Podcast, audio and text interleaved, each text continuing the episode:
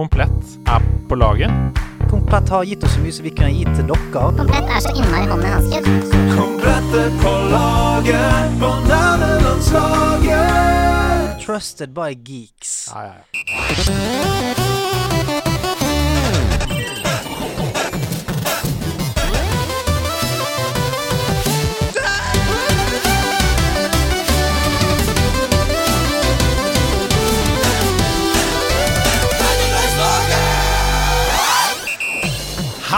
Og hjertelig velkommen skal du være til nok en episode av podkasten i ditt hjerte, nemlig Nerdelandslaget. Og i dag blir det ordentlig gøy, skal jeg si deg. Jeg heter Sebastian Brynestad, og rett overfor meg sitter selveste, selveste Andreas Hedemann.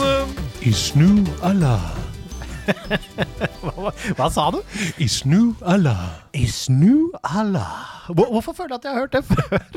Det er ganske gøy hvis du har hørt det før, for du har jo vært ganske sånn eh, basunerende i denne podkasten om at eh, World of Warcraft ville vært en slags kokain for deg, eller eventuelt heroin, da, som kanskje er mer, mer beroligende. Eventuelt en slags blanding, altså. Ja. Eh, dette betyr good fortune to you.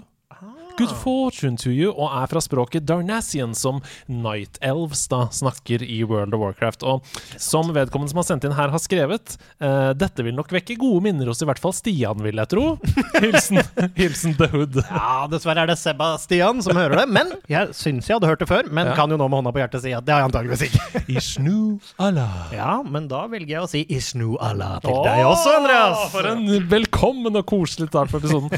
Så hyggelig å se ditt blide fjes. Du, så hyggelig å få være et blidt fjes i din uh, synsrekkevidde. Ja, ja, ja, ja, ja, ja, det er jeg alltid glad for når du kan være. Men at du Det har jo eh, skjedd litt ting denne uka her. Um, det har vært en glede for Stian og meg å kunne uh, inkludere flere såkalte kapteiner på laget. Woohoo! Ja, altså det har jo vært eh, en stor ære. Jeg har jo vært en super-sub, super-seb, populært kalt. Jeg må gjerne fortsette å kalle meg det, altså. Det er ikke det verste kallenavnet jeg har hatt opp igjennom. Nei, jeg tenker at super-sub kan vi stryke, men Superseb det, det, det, Kanskje legge til en slags kaptein superseb. Altså, jeg vet ikke. Det får være opp til folk. Jeg skal ikke sitte og diktere at folk skal kalle meg kaptein super-seb. Det er kronglete og rart. Men, Ja. men eh, all spøk til side, så er jo dette utrolig gøy. Dette betyr jo at nerdelandslaget utvider. Det har vel kanskje ligget bitte litt i kortene, men nå tok dere liksom det steget og inviterte inn meg og Camilla og Hasse og Ida eh, inn i miksen. Eh, og at vi skal sammen da bygge dette videre. Ja. Bygge ting rundt podkasten. Jeg skal jo få lov til å begynne å streame, som jeg nå driver og rigger meg opp til å lære meg å gjøre. Eh, egentlig bare å prate mens jeg spiller, som jeg gjør alltid. I tillegg så vil vi jo sikte litt mot andre plattformer og andre medier, og komme litt i videoformat, som jeg har lyst til å eksperimentere med, og mange andre gode ideer som vi ikke skal blåse med en gang. Men dette betyr jo at vi er flere og mer arbeidskapasitet, og at nerdelandslaget skal nå nye høyder.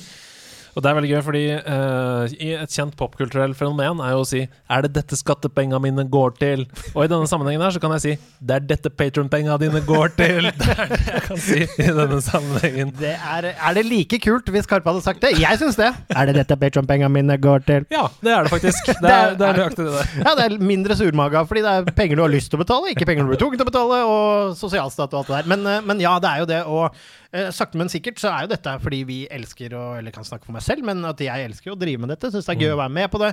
Det er jo verdens mest fantastiske landslag, så det er jo en fryd i alle kanaler å være sammen med dere i TV-spill og i streams og hva enn det måtte være. Så dette tror jeg egentlig bare kommer til å bli et eh, herlig overskuddsprosjekt. Og selvfølgelig masse vann over hodet i ekstrem ambisjon.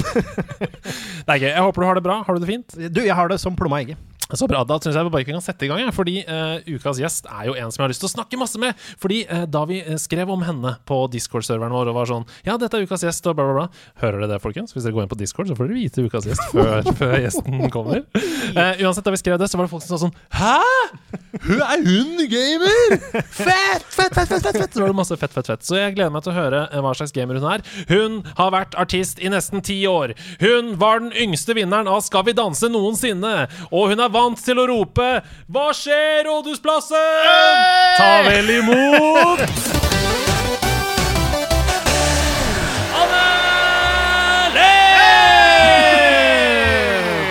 Hei, hei. Hei! Der er vi. Så hyggelig å hilse på deg og se deg. Ja, likeså. Så gøy å være her. Mm, hjertelig velkommen. Eh, Åssen går det med deg? Har du det fint? Du, det går veldig fint, altså. Eh, Tross omstendigheter og alt, så går det bra. Ja, det begynner å bli bedre her vi Ja. sitter i Det er vel ikke noe overraskelse for folk at vi sitter i Oslo og snakker. Eh, og her har det vært ganske krisetilstander siden november. Mm. Det er det ikke lenger. Eller i hvert fall begynner det å bli mindre av det nå, da. Man begynner å se litt mer folk i gatene, Ja. rett og slett. Og nå har vi lov til å samles ti stykker også. Det er jo en enorm luksus. Mm. Og merker at jeg, tre jeg trenger ikke flere enn ti. Da er det greit. Jeg, jeg har ikke flere enn ti. Forhåpentligvis så får du mange nye i dag. eh, alle, er nerde, alle nerdelandslagsspillerne eh, på laget. Um, hvor begynte ditt forhold til gaming, spillkultur? Hvor var, var liksom starten din? Starten var uh, lurer på om det var 2002. Jeg husker jeg og broren min fikk PlayStation 1 i i julegave. Oi. Eh, og da fulgte med det Harry Potter-spillet, The vise stein, som er tidenes spill. Og eh, Never Look Back Since. Er det, er det spillet med 'Nice earmuffs, Potter'? Er det, husker du, er det der, den memen? Oh, ja. Er det en meme? Ja, ja, 'Nice earmuffs, Potter', hvor, i PlayStation 1-grafikk, hvor Malfoy ser ikke helt super Nei, men ingen så ut som seg selv i det spillet. Men er du Harry Potter-fan? Var du det før spillet kom? Jeg var ikke en sånn ekstrem Harry Potter-fan som at jeg dro på Galtvort eh, i Er det Orlando der i? Det, ja. I Universal Studios. Men der. eh, jeg har sett alle filmer og syns det var veldig gøy. Mm. Jeg ville jo være Hermine, Hermine husker jeg. Det Ja, hvem ville ikke det? Jeg ville være Hermine! Jeg var mer en Gygrid-type, men ja, eh, ok, det er ja, det er jo det. Ok, så boss. Harry Potter da på PlayStation 1. Mm. Husker du noe av det spillet? Åssen det Ja. Var, liksom? Ja, ja, det husker jeg. Altså, graf sånn, vi har vært innom det. Grafikken var jo ganske dårlig. Men fortsatt, når jeg har sett litt tilbake på det nå, ikke så ille til å ha vært så lenge siden. Ikke sant? Uh, og det, jeg husker bossen var sykt vanskelig. Det var mot Voldemort, da. Eh, og, den, eh, Wow. Og da funka ikke de der eh, memory cardene mine, husker jeg. Så jeg måtte ha PlayStation på hele tiden. Bare sånn for at Den bossen skulle jeg klare, og den var på i flere uker, og så klarte jeg det. Og så har jeg det runda. Hvem er det som ikke har hatt på en spillkonsoll i flere uker opp igjennom? Um, så var, det var jo sånn på Super Nintendo også. Ja. Uh, spesielt Super Mario World husker jeg veldig godt. Fordi der er det sånn at hvis du kommer til et sånt spøkelseshus eller et slott, Mm. det er de gangene du kan save. da Du får ikke save ellers. Nei, det er Så det er gjerne fire-fem baner imellom, liksom. Så hvis vi sto der og sto fast, så måtte vi bare 'Andreas, nå må du gå hjem!' Så måtte vi liksom bare la den stå på. til Måtte slå av TV-en bare, Ja, men ja, ja. Måtte være på. Men så kom moren til Martin Hugo med støvsugeren og skulle ha stikkontakt. Moren til Martin Hugo! Det var alltid én. Ok, eh, Men hva var det man gjorde i det PlayStation 1-spillet? Harry Potter? Altså Spilte du som selveste Harry? Eller var du Jeg var liksom Harry Potter, ja. Ja. Um, så man fikk jo Det var jo ganske kult, fordi man fikk jo utdelt sitt uh, at man var hvilket uh, lag, holdt jeg på å si. Ja, hatten, Um, ja. hatten Hus, ja. og Kunne man, hus, hvilket kunne man få forskjellig hus? Nei, Nei. det var bare ett hus. Du fulgte egentlig hele storyen. Ja, ok. Så det var sånn, det var sånn storytime imellom, og sånn And then Harry Potter went Ikke sant? Så det var jo Du fulgte hele filmen. Mm. Ja. Uh, og så var det jo rumpeldunk. Ja. Det husker jeg var det vanskeligste. Å styre rundt og inn i de ringene. Fordi det var sånne ringer i rumpeldunk som du måtte Ja, passere. jeg på- husker det. Ja, men Har dere spilt spillet? Nei, jeg tror kanskje Ja. altså, jeg, jeg, jeg føler jeg har spilt det på sånn Space World Bryn Center, hvis du skjønner hva jeg mener. Uh, at jeg sto der sånn mens mamma og pappa var på Ultra og handla, Ja, ja. så sto jeg sånn og Ja. spilte og gjennom de ringene der. Det føler jeg har i hvert fall veldig sterkt Ja. minne. Og jeg, jeg mistenker at jeg sto i kø bak deg mens mora mi var på Bogerud Tekstil, så jeg tror det Så det husker jeg det var sånn vanskeligste. Mm. Um, og så var det jo det, alle disse spillene du måtte lære deg, og da måtte du ta sånn firkant, trekant, firkant. Altså, det, var, det var ganske sykt. Mm. Ja. Jeg digga det. Wow. Ja, hvor, mange, altså, hvor mange timer tror du du har i eh, Harry Potter eh, Oi. Det vises sten på PlayStation 1? Oi, oi, oi, herregud. Det, altså, det tok jo lang tid å runde det. Det gjorde Ja. jo det. Skjønte dere engelsk og sånn på den tiden? Eller kanskje det var på norsk? Det var på norsk! Ja! Det var på norsk! Norsk! Norsk! Ja, ja, ja, Jeg vet til og med hvem som er stemmene, men det trenger vi ikke å ta nå. Oi, er det sant? Ja, altså, jeg vet én i hvert fall, men eh, nok om det. Ja, men eh, det var på norsk, så jeg kunne sikkert ikke engelsk jeg var sånn. Jeg tror jeg var sånn seks-syv. eh, Når Ja. er det har PlayStation 1 kommet igjen? Var det i Oi, oi, oi. 99? Dette er, dette er et spørsmål vi alltid får. Og så er vi alltid, blir vi alltid stilt til veggs fordi vi sier sånn 97-95? Det er, det en, det er en 97-er, er jeg ganske Ja, sikker på. jeg føler også at 97, ja. er riktig, men eh, i hvert fall i Europa. Uh, 95 i USA og 95 i Europa. Mm. Så 97, det var Det var helt bare feil. tull. Det var bare tull. Altså, det, jeg starta tidlig, for å si det sånn. Mm. Men, men da, altså videre derfra, da. Nå har du liksom Harry Potter av deg. Det er Ja. der gaminga begynner. Hvor Mm. går reisen videre? Reisen videre går jo innom sånn Worms. Det På var PC, eller? På, nei, på PlayStation Oi, 1. ja. Jeg har ikke vært så stor PC-gamer, annet Nei. enn Sims. Eh, men eh, på, jeg hadde mye bra spill. Vi hadde James Bond i PlayStation 1. Det var mye PlayStation 1, og jeg vet ikke om dere husker det, men før så kunne man få sånne CD-er, sånn demo-CD-er. Så du fikk kanskje ti spill hvor du kunne spille i sånn ti minutter av hver spill. Ja, ja, ja, ja, ja, ja, ja. Vet du om jeg spilte demo-CD1 med Wipeout og Crash Bandicoot 1 og sånn? Det var bare én bane. Ja, det var Crash. Bandicoot i den jeg også spilte. Det var sykt. Jeg vet ikke hvordan. Jeg, jeg tror egentlig det var sånn brent, ulovlig brent eller noe sånt. Jeg vet ikke, fordi det var ikke noe på de egentlig. Men uh, så spilte jeg bare sånne ti minutter. The Simpson var også med i det. Og det gikk ganske lang tid, men så fikk jeg PlayStation 2. Oi, og da Og da skjedde det noe. mm. Hold den tanken, fordi jeg hører at det kommer noen gående i bakgrunnen her. Hvor? Og ikke bare det, det er ganske varmt i rommet, så nå er det på tide å ta seg en Her kommer ispause med nerdelandslaget. Ispause. På en pinne skal det skje. Ispause. Bli kvitt dine problem med Henny og is. Kremen av iskrem. Martin Herfjord, ditt lille geni, denne jinglen her, den har jeg gått og nynna på hele forrige uke, og forrige uke der, og forrige uke der. Han er branded contents Mozart, den mannen! Men dere, dere vet jo hva dette betyr. Det betyr ispause, og jeg har en boks med masse Henning Olsen-is her, Ok, dette som jeg skal dele ut til dere. Åh, jeg er så glad det er Henning Olsen som er med oss. Og, dere trenger ikke ta is hvis dere ikke har lyst på. Men som dere ser, her er det isbiter. Ja, altså, er du gæren? Det er klart jeg skal ha is. du skal ha is. Jeg skal ha en, jeg skal ta, jeg skal ha en sommeris, for den er jammen god. Det er noe friskis her, det er noe melkesjokoladeis, det er noe ulike greier. Det er bare å ta for seg før det smelter helt vekk. Det er derfor vi har lagt det ganske tidlig i podkasten, dette segmentet.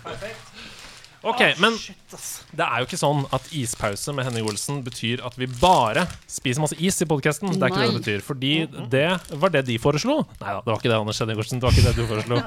Men vi sa vi er nødt til å gi noe til community vårt også. Og det syns jo de var kjempegøy. Så foran dere så ser dere denne store boksen som står her. Nerdelandslaget X Henning Olsen. Og oppi den så er det merch, det er joggebukse, jo- joggegenser, men det er også en PlayStation 5 DualSense-kontroll. Og ikke minst gavekort på is, sånn at alle kan ha sin egen ispause hjemme. Nam, nam, nam, nam, nam, nam, nam. Det litt rare andre verset. Ikke Martin Herfjord-kvalitet på den teksten her. Mer Brynestad. Ja, Åh. Flapp. Eh, Åh, sommeris. altså. Nei, men mm, Så disse boksene har vi nå gitt bort én hver uke i mai. Og i den siste bossen Siste bossen, hører du? Jeg er helt i Du, du, kan, gamingmodus. du, du kan ikke skru av det, vet du. I den siste boksen så er det en helt ekte PlayStation 5, altså. Det er en PlayStation 5 i boksen, og det er jo ingen som får tak i den. Den kan ikke kjøpe. Du, jeg vet at du har, du. Jeg har den. Altså, vi er, It's luxury! Okay. det er veldig sjelden du har et rom med tre mennesker som har PlayStation Alle tre 5. har Det Ja, meg! Ok, vi kommer dit. Vi kommer dit Men hvordan kan jeg vinne denne PlayStation 5? Sitter du sikkert nå og tenker hvis ikke du har hørt på de forrige tre episodene hvor vi har hatt ispause. Nam, nam, nam, nam. og det du gjør, det er at du går inn på eh, et sted hvor de selger Henning Olsen-is. Det er alle Norgesgruppen-butikker. Det kan være eh, Bunnpris, Kiwi osv. Eh, eller så kan du gå inn på Discord-serveren til nederlandslaget i gruppen Ispause. Der hvor du kan skanne en QR-kode. Når du kommer inn på QR-koden Dette er litt kult, fordi Henning Olsen har en sånn kampanje som heter Spinn og vinn, som skal gå i hele sommer, hvor du kan vinne premier og sånn. Men vi har selvfølgelig et lite easter egg, vi i nerdelandslaget. Så hvis du scroller helt til bunn på den siden, da kan du trykke på nerdelandslaget-logoen som ligger her der nederst. Og da må du lese inn en kode! Du må lese inn en kode og skrive inn kode, og så kan du være med i den konkurransen. Så her kommer denne ukas kode, og nå vil jeg gjerne ha litt sånn spennende Vil du bli millionæraktig stemning her? Boom, boom, boom, boom, boom, boom, boom.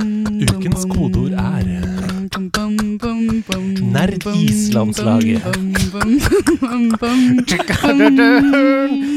Sara Natasha Melby og Fridtjof Wilborn! Ukens kodeord er altså Nerd-Islandslaget. Nerd-Islandslaget. Skriv det inn der. Du må skrive det med capslock. Men det er jo eh, noen som vant i forrige uke.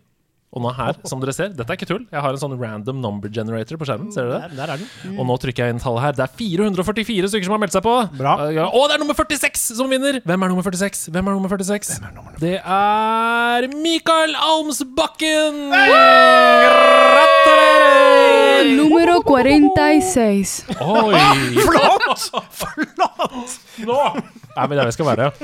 Det er tropisk i studio, vi spiser is, og det er helt utrolig gøy. Og det er så flerspråklig her nå at Ja, det er veldig gøy. Multikulturell. Å, jeg elsker deg. Tusen, tusen takk for det. Adelén, husk da, Nerdis-landslaget. Skriv det inn, folkens, så kan du vinne. Men Mikael, du vinner altså en uh, DualSense-kontroll. Du vinner gavekort på is. Det kommer godt med nå i disse tropedager. Ja. Og så går vi tilbake til podkasten. Nå skal jeg gjøre en sånn fin overgang her. PlayStation 2. Oi.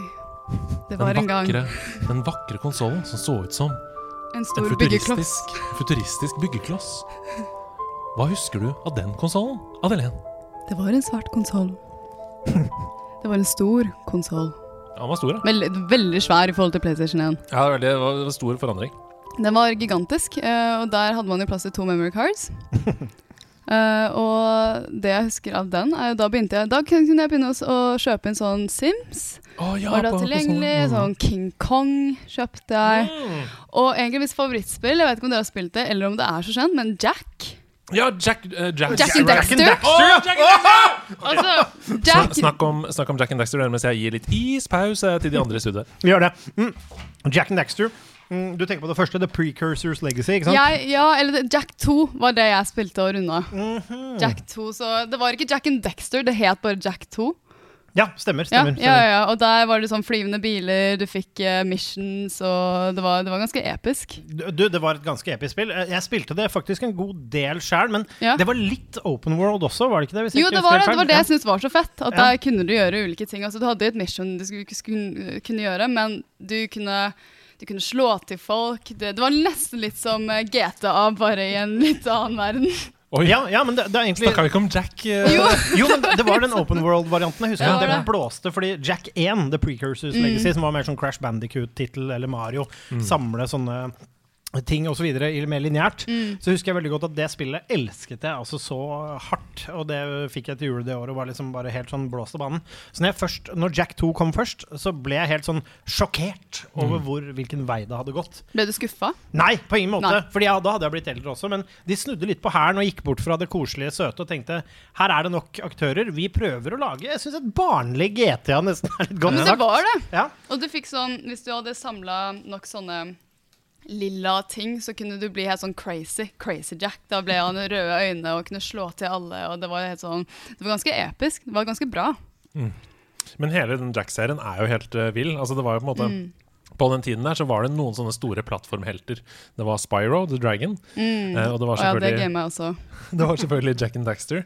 Og så var det jo også eh, Ratchet and Clank. Sånne episke duoer som gikk rundt og liksom uh, plattformspill og sånn. Men du, du gama Spyro også? Alle de tre du har nevnt nå, gamer jeg. Og jeg gamer fortsatt Ratchet and Clank.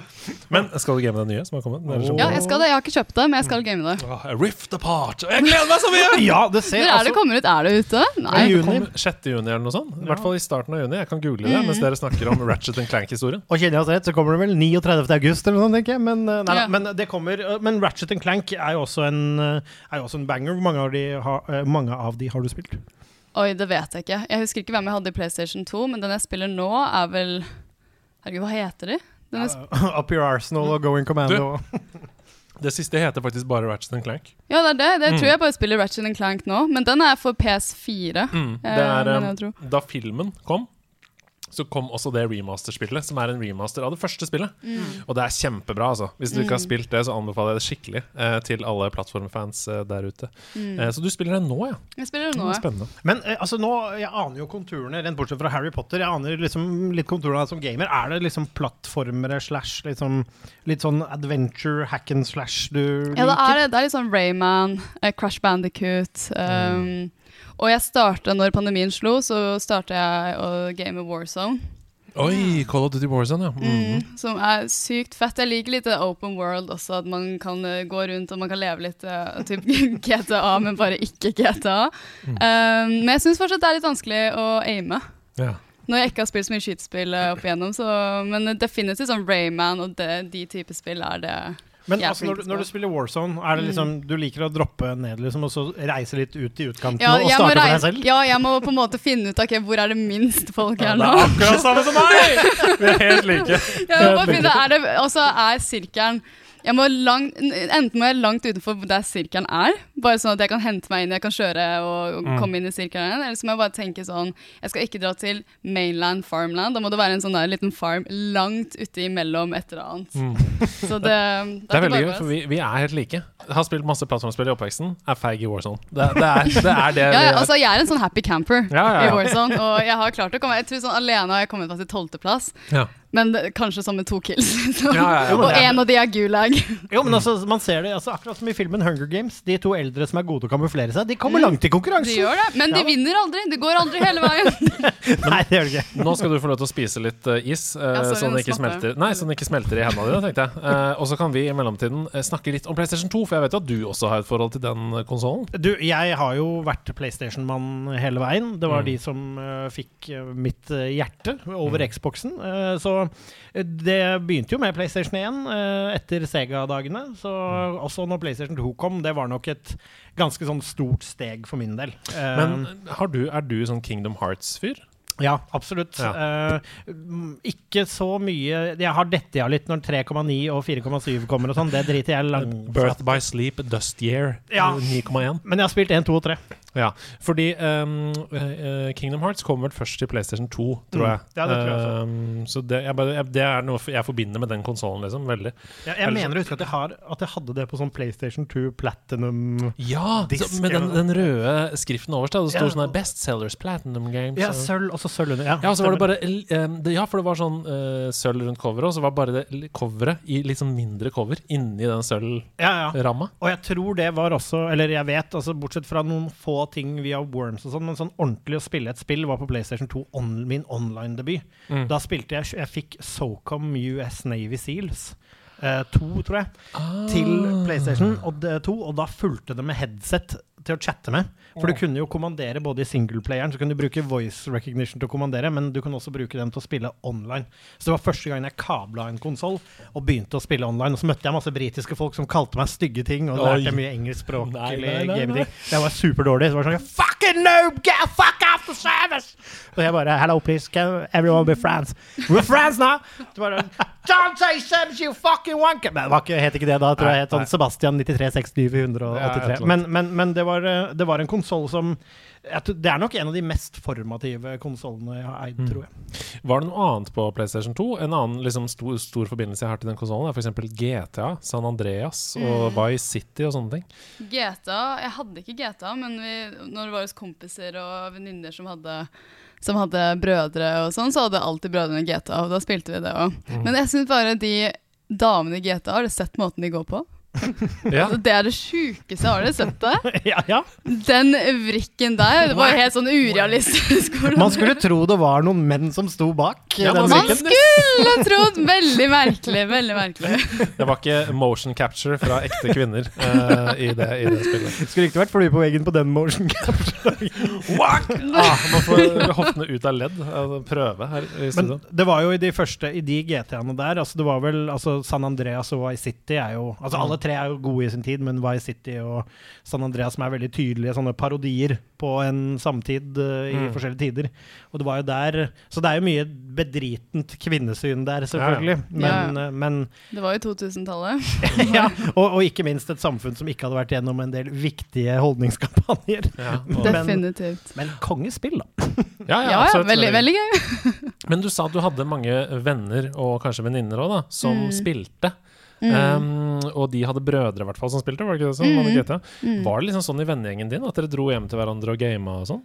Jo, det ble litt sånn, men jeg hang jo også mye på med broren min, da. Han er to år eldre enn meg, og um, han Jeg tror jeg tok mye av hans hobbyer da vi var yngre, bare fulgte litt etter han. Uh, så vi var gjerne hos hans sine venner, og Mm. jeg hadde ikke kanskje, kanskje så mange venninner som spilte, men det var uh, Om jeg var hjemme hos venninner, så hadde de jo brødre, så satt vi der og gama så jeg var jo med. Ah, det er veldig koselig. Jeg, jeg føler jeg liksom eh, danner et bilde av deg nå. Mm. Men, men det har alltid vært PlayStation. Det har ikke vært noen Nintendo-jente? Nei, jeg har aldri Jeg hadde Nintendo DS. Ja, håndholdt, ja. Håndholdt, ja. Eh, det åpna også en helt ny verden for meg. Men har alltid vært PlayStation. For Nintendo DS er jo Det er mange som ikke vet dette, men den er absolutt en av verdens mestselgende konsoller noensinne. Altså, Mm. alle hadde Nintendo DS på et Mm. tidspunkt. Det var helt sånn herre Den har solgt mer enn Gameboy. Ja. Og det Mm. sier jo eh, alt, på en måte. Husker du noe fra Nintendo DS? Er det noen spill som står ut for deg fra den? Ja, ja, altså Jeg, spill, jeg kjøpte det jo fordi jeg ville spille Nintendogs. Å, det koseligste spillet! Altså det søteste spillet. Det er Tamagotchi på steroider, er det ikke det? Ja, det er det absolutt. Ja, ja. Tamagotchi på steroider. Og det var, det var seriøst det beste, for jeg fikk aldri hund da jeg var yngre. Altså, Mm. uansett hvor mye jeg maste, så da fikk jeg til slutt Nintendo DS med Nintendogs. Eh, og så spilte jeg masse, masse um, Yoshi Island. Ja, Yoshi's Island, ja. Mm. ja, ja, ja. Det var sånn Baby Ja, ja, ja. Mario-type spill. Ja, ja. Og sånn mjau, mjau, mjau, mjau. Kjapt spørsmål om Nintendogs. Ble du glad i Nintendogen din? Jeg ble det. Ble du det? Men det var, såpass, det var såpass ille da at uh, jeg fikk den DS-en min, var helt obsess med Nintendogs. Uh, mamma skulle stå opp sånn fire for å dra på jobb, dro innom rommet mitt. Jeg satt og gama Altså jeg var sånn, jeg vet ikke, elleve år eller noe sånt. Satt og gama Nintendogs og ville bare ta vare på den og vaske den og dra, dra med på agility-kurs, og det var ikke, ikke måte på. Men det som er så gøy med Nintendogs på, på DS, er at eh, mange Du sier um, eh, en uh, hva, Tamagotchi på Ja. steroider, sier du. Mm. Ja. Men det var jo ganske realistisk. Altså Bildene det så jo ut som ekte hunder. Så jeg husker at jeg var veldig sånn overraska over hvor bra det så ut på en Nintendo DS. Jeg kan finne, kan finne noen bilder her nå. Ja, Eh, altså, jeg husker veldig godt reklamene. Og så husker jeg også en kompis som hadde det. eh, som det er liksom Det, Ja, liksom det ser ut som en bikkje, det. Ja, jeg tenker at det er noe jeg hadde lyst til å ta vare på. Ja, Helt klart. Men, 100% men er, hvordan er det nå? Hvordan er forholdet deres? Tar du fortsatt vare på den hunden? Ja, du, Hadde jeg logga på den hunden, så hadde den nok vært eh, helt svart. eh, Full av drit og ikke måte på. Får du litt lyst til å dra altså etter podden i dag og dra hjem og se hvordan det står til med Buster? Vet du hva, Det burde jeg nesten gjort, for jeg har jo Nintendo, Nintendo og jeg har jo alle spillene, så jeg kunne tatt innom og bare sjekke, sjekke om om den fortsatt er der. For kan de, de kan ikke dø, håper jeg. Jeg veit Det ikke. hadde vært veldig, Det hadde vært sånn, litt dystert om de gjorde det. veldig lite Nintendo. Men du kunne ha tre stykker, husker jeg, og ta vare på tre stykker samtidig. mm. Eh, Ja. Så det er vel tre, og hvis det, det er mulig å dø, så er nok alle tre eh, daue. Samtidig da, så er det jo sånn at eh, Yoshi for eksempel, i Super Mario World Han ofrer jo hele tiden ned i døden der. Så det kan hende at det var litt sånn Vet du hva? Barn må også lære at eh, alt er livets sirkel, og det er en syklus her. Og Ja, altså vet du hva jeg foreslår at du, Adeline, du kan gå inn på nerdelandslaget-discorden og lage en Nintendogs egen gruppe. Ja. Og for, for dere som bare Har du hund nå, forresten? Jeg har ikke hund nå. Nei, så bare Nintendogs, ja. Bare Nintendogs. Det var min eneste hund. Men fikk du PlayStation 3 på noe tidspunkt? Eh, nei, jeg fikk ikke PlayStation 3. Den fikk jeg faktisk mye senere. Uh, den fikk jeg av broren min, og så kjøpte jeg en PS jo, jo, jeg hadde PlayStation 3. Hva er det jeg spilte? Da spilte jeg Rayman Legends. Ja, Rayman Legends. Åh! Mm. En av de beste spillene noensinne. Oi, Ja, ja, oi, oi, helt oi. amazing. Og Det det faktisk, var det jeg gama da, ja. Det er faktisk så bra at vi eh, skal spille det i helgen på 50-timersstreamen vi skal ha til Mental Helse og Ungdom. Skal vi spille gjennom alle oh, musikkbanene. Gud, hvor melder jeg meg på? Alle musikkbanene i Rayman Legends, det husker du sikkert Ja, godt. ja, ja. Um, Du melder deg på på Twitch. Du kan følge denne sendingen på Twitch. Det er bare å se på Da skal jeg være med, jeg vil være med og game òg, jeg. Å ja, å herregud. herregud. Ingenting er umulig. Ja, nei, det skal vi snakke om etter sending. Ok, Men det er jo helt fantastisk. Rayman Legends, ja. Og det var jo Mm. sikkert fordi du hadde Rayman-forhold da eh, fra oppveksten. Ja, jeg hadde det. det, det så det var jo Var det på PlayStation 1? Eller var det Mm. ja, det var det. Så Mm. det var hele, hele veien. Og, og Rayman Legends eh, Det kom jo sånn der eh, corporation av alt sammen. Mm. At du, du fikk de 2D Ja, ja. um, Alle typer baner. Ja, jeg vet ikke Ja. hva den het, men det, altså Du fikk alt, da. Du fikk historien til Rayman. Nå, nå må jeg bare ta en test, for det er alltid gøy eh, når vi har besøk av um, artister og musikere, Ja. eh, og minner dem om spillmusikk. Så eh, vekker dette noen minner hos deg?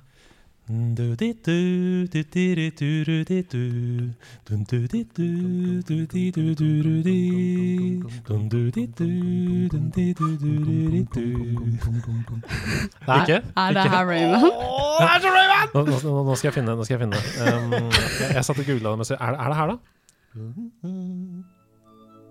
Åh, Åh, fytti rakkeren. Åh. Åh, skal vi bare lene oss tilbake og slutte å snakke resten av podden, kanskje? Åh, sånn som bare hadde en lita fele, ass. Nei, det er fantastisk. Spillmusikk er episk. Åh, det er bra du sier, for dit skal vi senere. Du vet, det er bra, du vet det er bra spillmusikk når de har med fagott. Jeg føler at Det er bare flinke komponister som husker fagotten. Ja, ja, ja. ja. Den litt uh, klarinettens fattige fetter, som mange vil eh, Ja, og som Mozart alltid sa, 'don't forget the fagott'. han. Ja, ja, han sa alltid det. Men ok, så derfor så har det, det har vært PlayStation da, opp til moderne tid, og det er det nå også. Mm. Du har en PlayStation 5. Jeg har en PlayStation 5.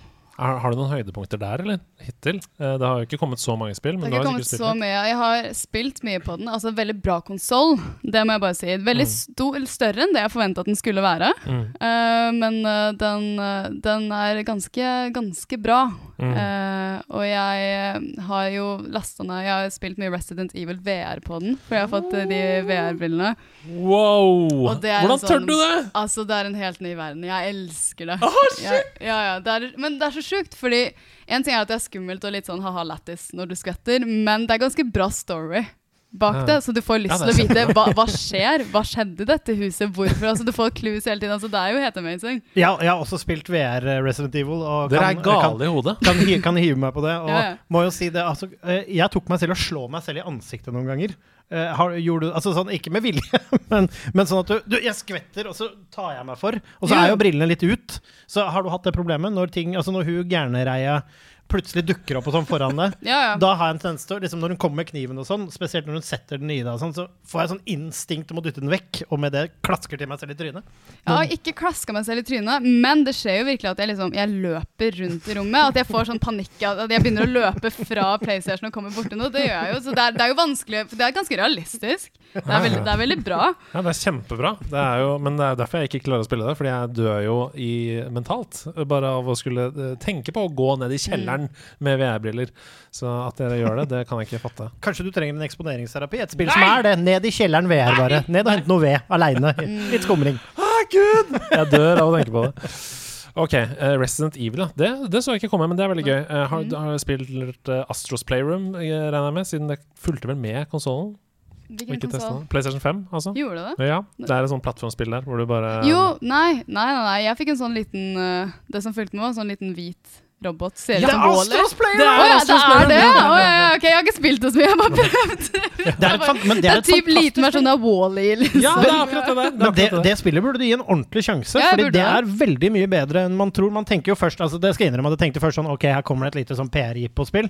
Det spillet pl platta jeg, altså fikk platinum-trofé på. Jeg ville gjøre alt på det, for det var Mm. et helt fantastisk lite spill. Hva er det man kan sammenligne det med? Sånn type spill? Jack and Daxter, Ja, er Ratchet det. and Clank. Harry Potter 1, Ikke sant? Det er akkurat det It's made for me. Resident Evil Nei. Ikke Resident Evil. Du er jo artist, Mm. eh, og nå har jo livet for artister vært litt annerledes det siste halvannet året. Ja. Eh, men hvordan har på en måte spill passa inn i den karrieren for deg? Hvordan bruker du eh, Har du spilt noe på turné? Har du liksom spilt Har du med deg spill rundt i livet ditt? Nei, det, det har jeg ikke. For jeg har ikke mulighet til å ta med meg PlayStation eh, overalt. Mm. Um, men jeg syns det er veldig deilig Som artist så er det veld, perioder hvor det er veldig mye å gjøre. Mm. Um, det er gjerne konserter og det er studio, og så er det perioder hvor det ikke er mye å gjøre i det hele tatt. Og da syns jeg det er deilig. Altså, det, litt sånn det er ro for meg er å komme hjem, ikke ha så mye planer, og sitte og game en hel kveld. Fordi det er litt sånn meditasjon i seg selv. Åh. Og det, det er veldig deilig å være alene og game, og spesielt eh, de, de Altså Ratchet and Clank. Altså, det er bare sånn det går på autopilot, da. Mm. Um, og derfor Warzone, dritfett. Men om jeg er sliten og, og er i en sånn periode hvor det ikke er mye, og bare lader opp til neste, neste periode hvor det slår an, da. Mm. Warzone, da syns jeg blir for masete. Da må jeg prate med folk, eller da, skjer det. Men de der Ratchet and Clank Jeg spilte til og med Jack 2. Jeg lasta det ned på PlayStation 5 her om dagen, bare for å kjenne litt på det igjen. Og det, det er nice. Det gir en sånn ro i sjelen, og det har jo fulgt meg hele livet, sånn man tenker på det. Det er sånn barndoms-pleasure Mm. som aldri gir seg. Men kan, men kan det være en idé for deg kanskje å skaffe deg en Switch?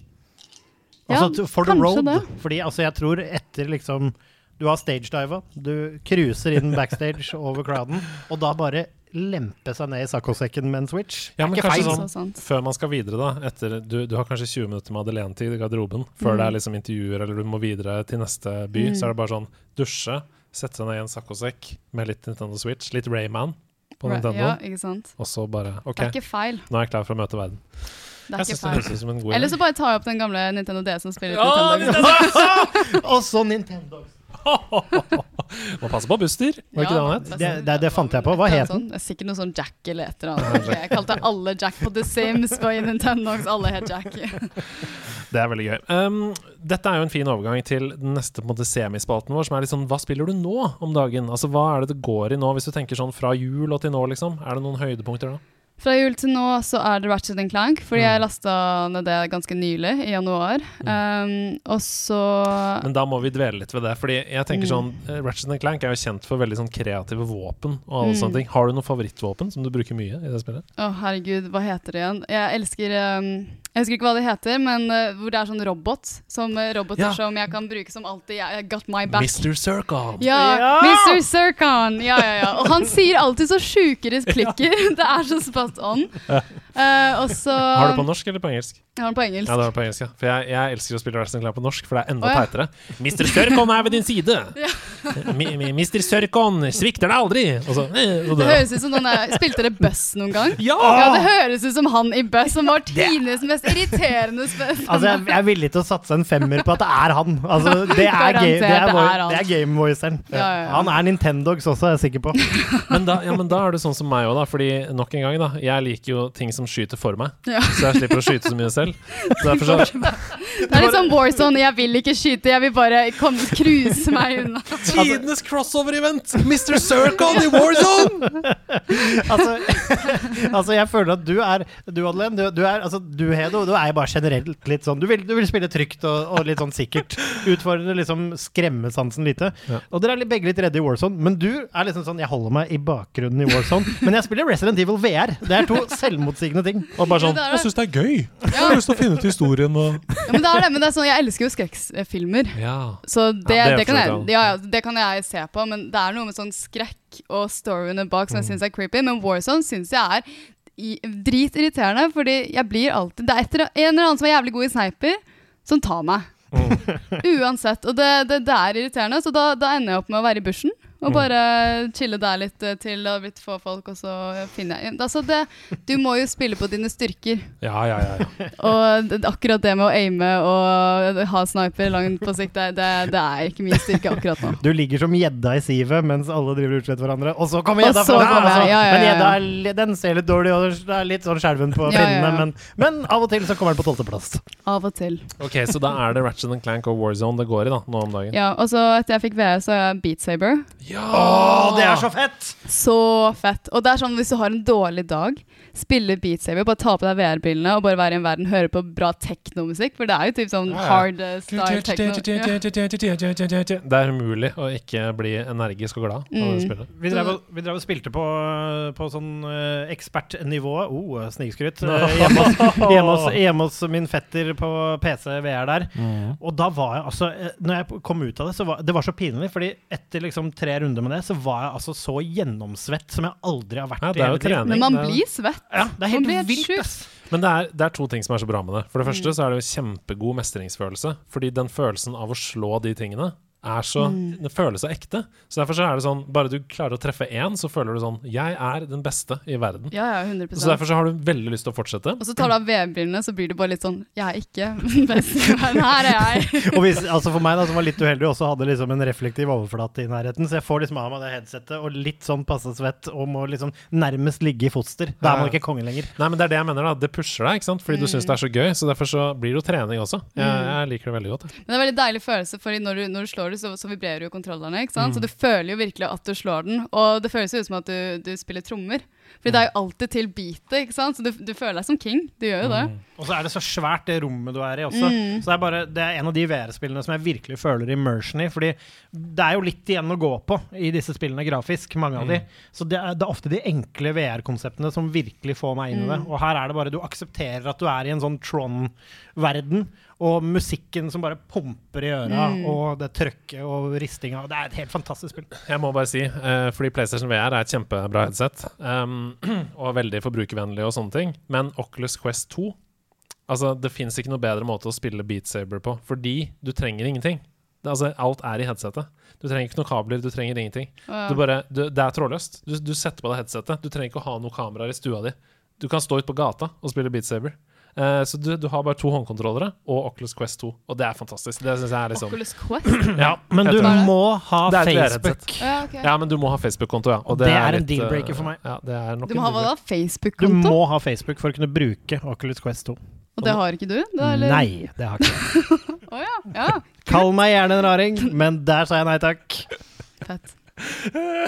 Ikke negg meg, med- ikke negg meg med fett. Fett. Nei, men- I respect that. I do. Nei, men jeg vet at det har vært en deal-breaker for noen, så det, det er absolutt en ting Ikke man må legge til. Men ok, er, er det noe annet du spiller om dagen som du har lyst til å legge til? Oi, oi. Um, nei, det har bare gått i de to. Altså. Jeg Ja. la fra meg Warzone litt grann sånn før jul. Mm. Fordi jeg følte ikke at jeg fikk jeg, jeg ble ikke flink nok Altså, jeg ble ikke flink nok til at det ble sjukt gøy. Nei, jeg skjønner. Spør et siste spørsmål. Er det noe Mm. du gleder deg skikkelig til som, uh, av spill som kommer? Ja, Far Cry. Å ja, det har vi snakka litt om. Far Cry 6. Ja, Far Cry ja, ja det, er, det er 6 eller syv? Seks er det vel. Det må være Far Cry 6, det har jeg i hvert fall tenkt at det er. Ja, for det var jo en primal imellom der som ikke hadde tall. Ja, det er Far Cry 6. Ja. Eh, Det står bare 2021. Det skulle jo vært ute nå, men det har blitt utsatt. Mm. Det er alltid et godt tegn, for da betyr det ofte at det blir bedre. Mhm. Men skulle ikke det være ute i juni? Nei, Kanskje. var det kanskje det? Kanskje. Men, det det, er- syns jeg virker helt sinnssykt kult. Men har du noe forhold til Far Cry-spillene fra Ja, jeg spilte Far Cry 3 med broren min, husker jeg. Åh, mesterverk, ass. Mm, og det, da husker jeg det var Det, var, det var så litt sånn der open world, ikke sant. Kult og litt Warzone, bare litt mer eh, tropical. Og det, det, du er i en helt ny verden nå. Jeg tror, og det er altså bra grafikk. Spilte du også Far Cry sånn at du bare trakk deg langt ut? Ja, ja, ja. ja det, var, det var som å spille Habbo, liksom. Og bare Jeg gikk litt rundt og sjekka. Og der, der, nå kan vi ikke gå videre enda, Edo, for Habbo spilte du det. det var, jeg føler at det ligger en Habbo-confession her. Ja, om jeg spilte Habbo? Ja. Ja, ja, ja. Jeg, jeg spilte Habbo Det var ved 13-årsgrense, og jeg tror jeg var på Habbo da jeg var ni år. jeg. Men nå er det du som er rar, hvis du ikke har Facebook og ikke spilte Habbo. Jeg spilte ikke Habbo. og Ikke Du Facebook. spilte ikke Habbo. Jeg spilte Nei. Habbo. Ja, kult. Du spilte Habbo. Husker du hva du Alle het spilte på Habbo? Hadde man en brukernavn på Habbo? Man hadde kanskje det. Jeg tror det var sånn Hedemann 2471 eller noe sånt. For det var sånn hasj. Ja, ja. Andreas Hedman 2471. Nei, det var det ikke. Det var ikke begge navnene, nei. Det var det ikke. Man må være litt sikker på nett. Nei, vet du hva, jeg het Star Guitar. Fordi jeg elska, fordi jeg elska den låta til um, Ja. Fordi jeg elska den låta til Chemical Brothers. Ah. Hvor det kommer sånn det, det, det, det, det, det Ja, ja, ja. toget som kjører musikkvideoen. Så derfor, Ikke fordi jeg var så god i gitar. Det var ikke, ikke det det het. Men her kommer spørsmålet. Var du HC?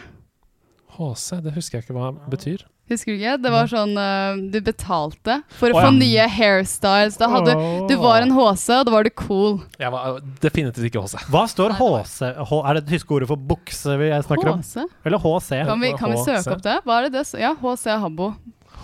Men da husker jeg det var sånn, det var rom bare for HC-er og sånn. Jeg var aldri HC, fordi jeg, jeg var ni år, hadde ikke noe penger å ta fra, liksom. Habbo Club. Habbo, Ah, ikke sant. Ja, så det var en sånn egen eller? Å, det er Var du HC, eller skal jeg begynne å si? Selv om jeg aldri spilte Abo selv. Ok, dere, vi må videre. Hva er det du spiller om dagen, Sebastian? Du, nå har det jo vært uh, gjennom meget uh, snadder, men jeg har havna tilbake på kjøret. Oi, hvilket kjør? Vi snakker Lutenshoot-kjøret, uh, Andreas. Og er det Volt of Glass? Det er Volt of Glass, det er Destiny. Jeg er tilbake på Destiny-kjør, ass. Tilbake. Men er det for å gjøre deg klar for nye raids, eller er det fordi du ville spille Volt of Glass Nå, spesifikt? jeg er raid-klar fra, og med altså fra og med neste dag jeg får spilt nå, så er jeg raid-klar for Walter Glass. Har lagt inn litt uh, pinsetrøkk for å hardlevele litt, så spilt Crucible og shit, krampa tok meg. Og Det er den beste måten å levele på. Det Crucible. power leveling Mm. 101, det. Ta Shacks Bounties til Mm, krampa tar ja, ja, Få på noen headshots. Kjenner meg igjen. Jula 2019, jula 2018, jula 20... Så nå er jeg klar med ny Subglass. Tenkte bare nå skal jeg faen meg bare spille fram til Walter Glass og bare ta den, men lasta ned alt og er nå fullstendig på kjøret. Destiny er bedre enn noen gang, og på PlayStation 5 er det en fryd for Ja, alle det er det. Ja, ja, det er mye, mye bedre, og det, og det har- gjorde det for meg at det føltes nytt. Det føles som et nytt Destiny for meg, for nå har jeg vært av så lenge. At nå er det så mye nytt og så mye deilig. Du har alltid nok, nesten alltid, da, til å gjøre én karakter, og du kan alltid få noe powerful eller pinnacle gear. Så nå klarer jeg å spille det uten å liksom måtte drive og micromanage tre karakterer, og, sånn som jeg gjorde i Destiny 1 og i starten her. Så nå koser jeg meg med det, og er klar for å nå liksom 13 og over der, og begynne å raide på gamlemåten med det gamle crewet, så alle er med, da, så det er hyggelig. Jeg er helt enig. Noe av det første jeg testa da jeg fikk PlayStation 5, det var Destiny 2. Nettopp fordi jeg har vært så kritisk til at det tar 3500 år å komme inn i spillet uh, hver gang. Men etter at PlayStation 5 kom, så er loading-tidene betraktelig Mm. raskere. Og de virker som de har blitt bedre for hele fjøla nå, Mm. faktisk. Men, eh, men ja, altså loading-tider eh, hvordan det ser ut, håndteringen altså, Og den bråker ikke. Det er ikke en sånn vifte som bare Åh, PlayStation 4 letter jo fra stua. Ja, ja, ja. Altså, altså på tampen, på tampen så altså Jeg, jeg testa min igjen, fordi alle har liksom klart å Men altså min, jeg tror ikke jeg kødder. Hvis jeg skrudde den på her om dagen, så syns jeg den bare Altså, det var helt ute å sykle. Og i kontrast til PlayStation 5, som er sånn Du er nesten ikke noe. Du kan, du kan gå helt inntil så er det litt sånn men, men PlayStation 4 Så jeg tenkte Få skru på deg da, gamle gutt! Og den bare Hjelp! Hjelp! Så- Jeg er pro! Men den er eh, Men jeg lyser fred over PlayStation 4 som minne. Ja, ja. Eh, ok, så det er det du spiller, Destiny 2? Det er det nå, og storkos meg. Ja. Jeg spiller et gratis PlayStation Plus-spill denne måneden, som heter Wreckfest. Å, det lastet jeg ned og prøvde! Wreckfest, det er et uh, veldig Førsteinntrykket mitt var at det er veldig simpelt. Og da mener jeg simpelt i ordets rette forstand. Ikke enkelt, men uh, tynt, på en måte. Altså Det er ikke så mye å gjøre her. Fordi det er sånn uh, Det første du skal gjøre, er sånn Du sitter på en gressklipper og skal krasje inn i andre på gressklipper. Sånn, Dette holder ikke. Men og så kommer neste. Nå kjører du rundt og rundt på en annen type men det vokser seg nemlig til å bli et spill som belønner deg for å kjøre bra.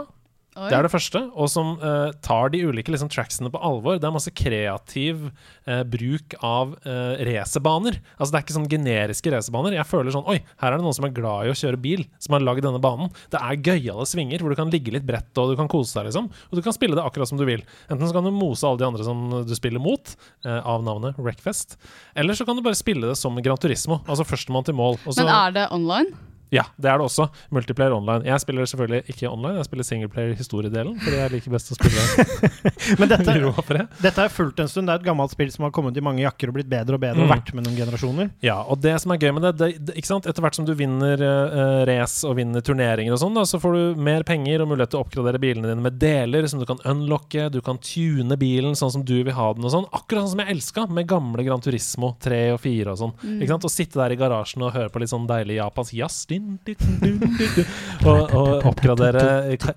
carburetor og a little better suspension. Jeg skal litt mer suspension på høyre foran. Sånn, ikke sant? Og det føler jeg Det er ikke noe altså, um, Wreckfest det er ikke noe gullstikkavinnende bilspill. Det, det er det ikke på noen som helst måte. Men du snakka om det å tømme hodet og sånn i perioder når du har hatt mye å gjøre. Og det er utrolig digg, avslappende bilspill der du kan ligge bredt rundt hjørner og kose deg. Og en deilig liten spirituell oppfølger til Destruction Derby. Ja, absolutt. som, eh, som jeg likte veldig godt. Og, det, og det, eh, en ting det spillet har, har, som er viktig for meg, som jeg ofte savner i bilspill, er den har sånn ordentlig ordentlig bra destruction av environment. Altså, når du krasjer, så er det ekte. Det flyr deler, du får ordentlig bulker. Du kan liksom nærmest brette bilen din i to. Ja. Og, det, og det føles så ekte og kult. Så det likte jeg veldig godt med det spillet. Ja, jeg må si jeg satt med Formel 1 på skjerm 2 der og Wreckfest på skjerm 1 i helgen, og det var deilig, ass! Da, var jeg, da tømte jeg hodet, for å si det Du sånn. bare se- sendte to stive fuckerfingre til Leclerc for at han ikke får orden på girkassa nok en gang.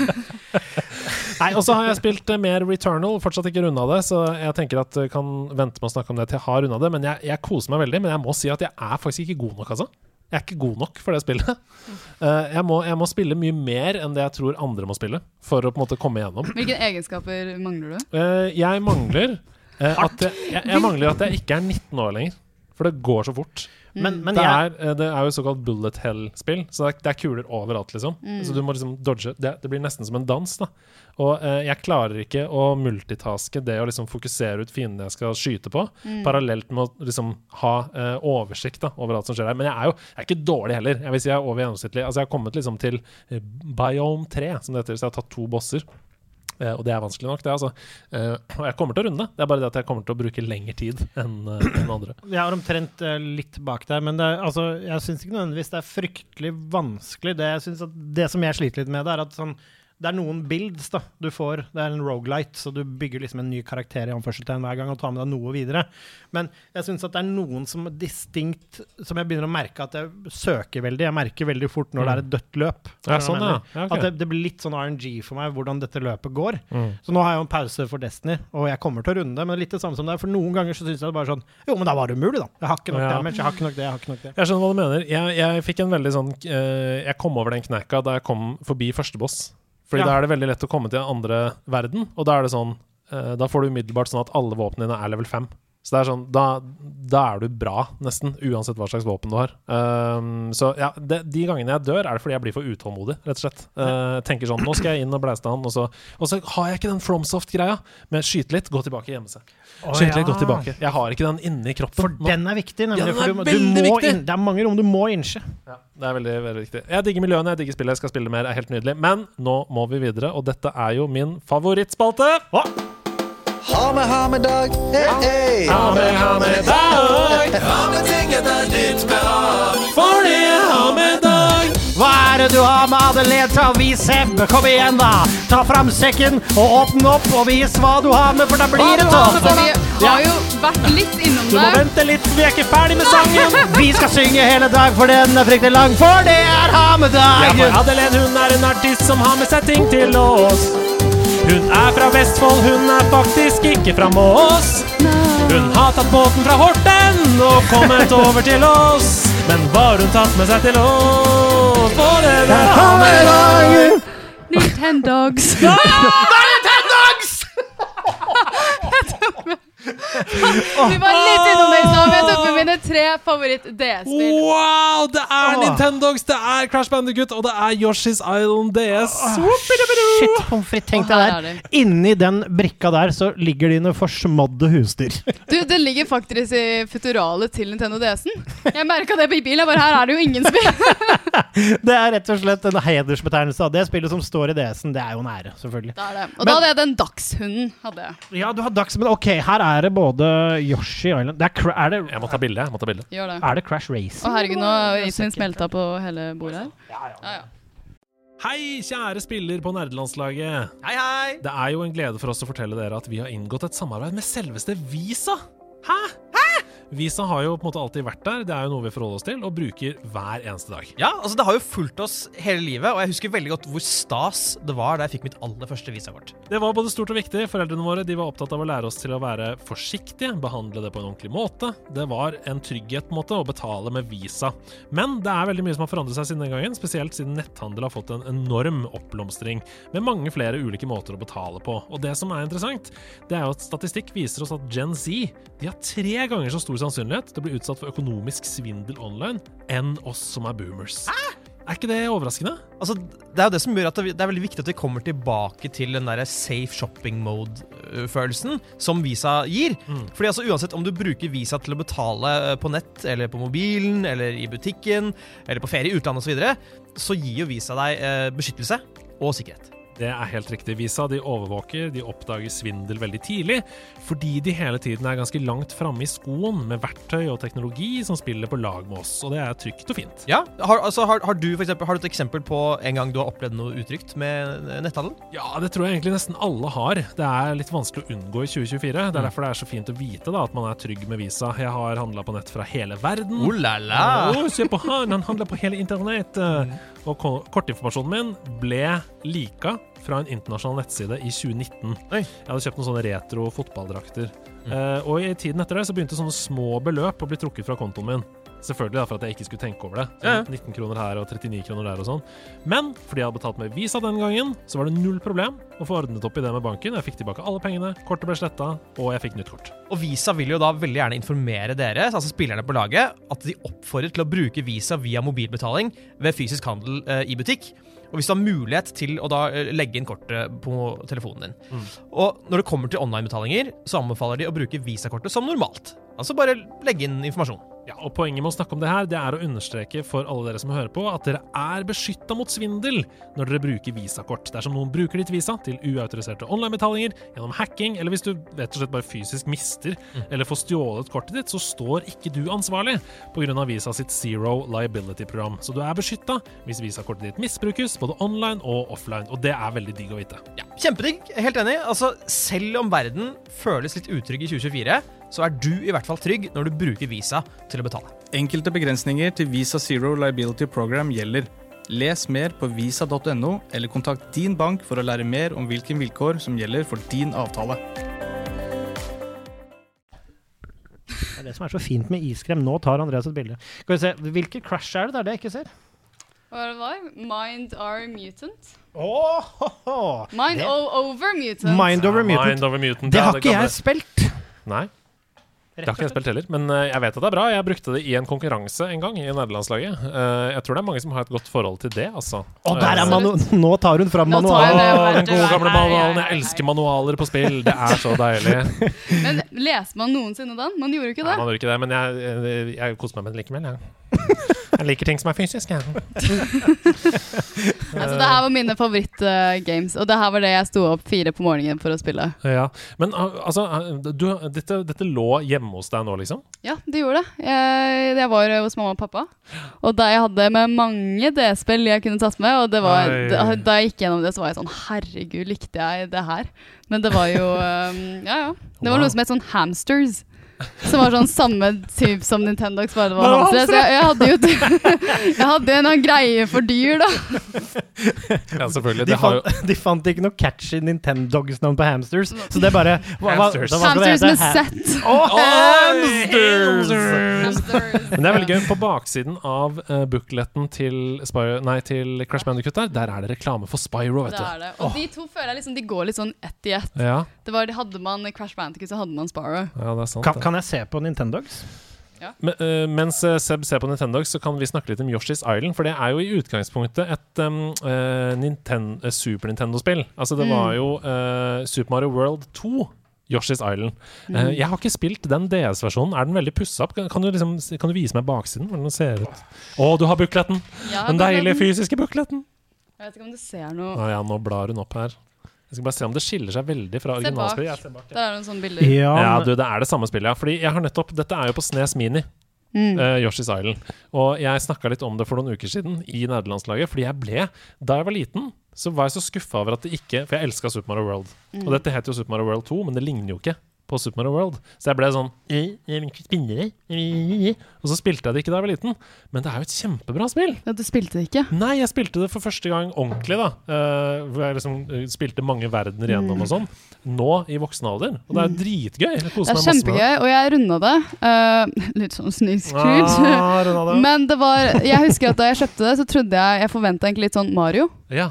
Eh, litt sånn samme grafikk som Mario, og det Ja. var jo litt annerledes Ja, enn. Mario. Det er, ikke, det, det er ikke de samme de der Altså Det er ikke samme at du hopper opp og tar de for å få poeng. Altså, Nei, det var litt det er sånn annerledes. blomster, sånn smiler og Ja, det var, det var litt mer uh, på spasa, da. Det ja, Litt med de- Japan, rett og slett. Men Ja, er, litt med Japan, ja. er det Yoshi Island hvor uh, foreldre over det ganske land ble gale hver gang du mista Mario? Ja, ja, ja, ja, ja, ja, ja. Og så måtte du sluke den med tunga til den blip, Ja, det var det. Men det var et uh, veldig kult spill. Uh, jeg digga det. Men jeg var også veldig sånn når jeg først fikk det, så det så ikke ut som Mario. Og det var baby-Mario. Det var, det, jeg var også litt sånn der fnurt da jeg Ja, fikk det. Litt sånn fnurt, ja. Men uh, jeg I learned to love it. Ja, ja, det er bra. Jeg må bare eh, påpeke én ting. For flere av spillene du har snakka om hittil, Mm. er jo dritvanskelig. Eksempel Rayman 1. Det er kjempevanskelig, og det er mange av disse plattformspillene her også. Mm. Og du sa du hadde runda Yoshi's Island. Mm. Jeg har fiksa det, KP. KP kom inn i rommet her nå. Jeg fiksa batteriet. Klassisk KP. Um, um, uh, men det betyr jo bare at du er kjempedyktig til å spille spill, rett og slett. Kan Ja, si eller sånn når det kommer til plattformspill og, og Rayman og Mario, så er jeg veldig flink. Det, det har jeg spilt lenge, og det, det har jeg i hendene. Ja. Uh, men om det er litt sånn open world og Warzone og sånn, da, da sliter jeg. Ja. Men uh, ja, jeg er ganske god. Ja, det er gøy. altså Det er jo liksom en um, uh, tålmodighetsprøve ofte. Det er det. Du må liksom vente Vente til den kommer ned, istedenfor bare å prøve å hoppe gjennom. Mm. Uh, ja, Hva, er, hva, hva vil du si er det spillet du gjennom tidene har vært best i? Og som har vært best i, så Eller er best i, for den saks skyld? mm, Rayman, vil jeg egentlig si. er Veldig flink i. Rayman. Og har dere spilt i hvor det var til musikk og sånt? Du bevegde deg til musikk og Musikkbane, on, Mm. Og der kom litt den musikaliteten inn. ikke sant? Det var noe som hjalp meg, og da, da var det mye lettere å altså, Ja, Har du, dritbra låt. har du spilt Og ikke minst den derre gang, gang, gang, gang, gang, gang, gang, gang, gang, gang, gang. Og så kommer Men har du spilt Cadence of Hyrule eller Rhythm Thief Ja. og sånt? Nei. Nei, Er det noe jeg burde sjekke ut? Ja, det det tror jeg. Det er jo Zelda-spill med rytme. Sånn at når du går inn i dungeon, eksempel, så må du gjøre sånn Hoppe fram og tilbake, Oh. bevege seg ja. Og da beveger alle, alle fiendene også rytme. Så må du liksom sånn OK, hoppe fram og ta han her. Og så må jeg hoppe bak og ta han der, og så må du lage Og så er det Ja, ofte sånn nice, at- nice. Ikke sant? Til Zelda-musikken. Så det er jo ja. fantastisk. Det er kjempegøy. Du kommer til å elske det. Det må, ja, det må jeg sjekke ut. Er det på PlayStation? Nei! Men uh, jeg ville anbefalt deg, altså du, når, nå som verden åpner igjen, og du skal ut og turnere og serenere det ganske verdensfolket, kjøp deg en Switch. Jeg skal gjøre det. Jeg skal gjøre det. Det, det er en pakt. Vi skal videre.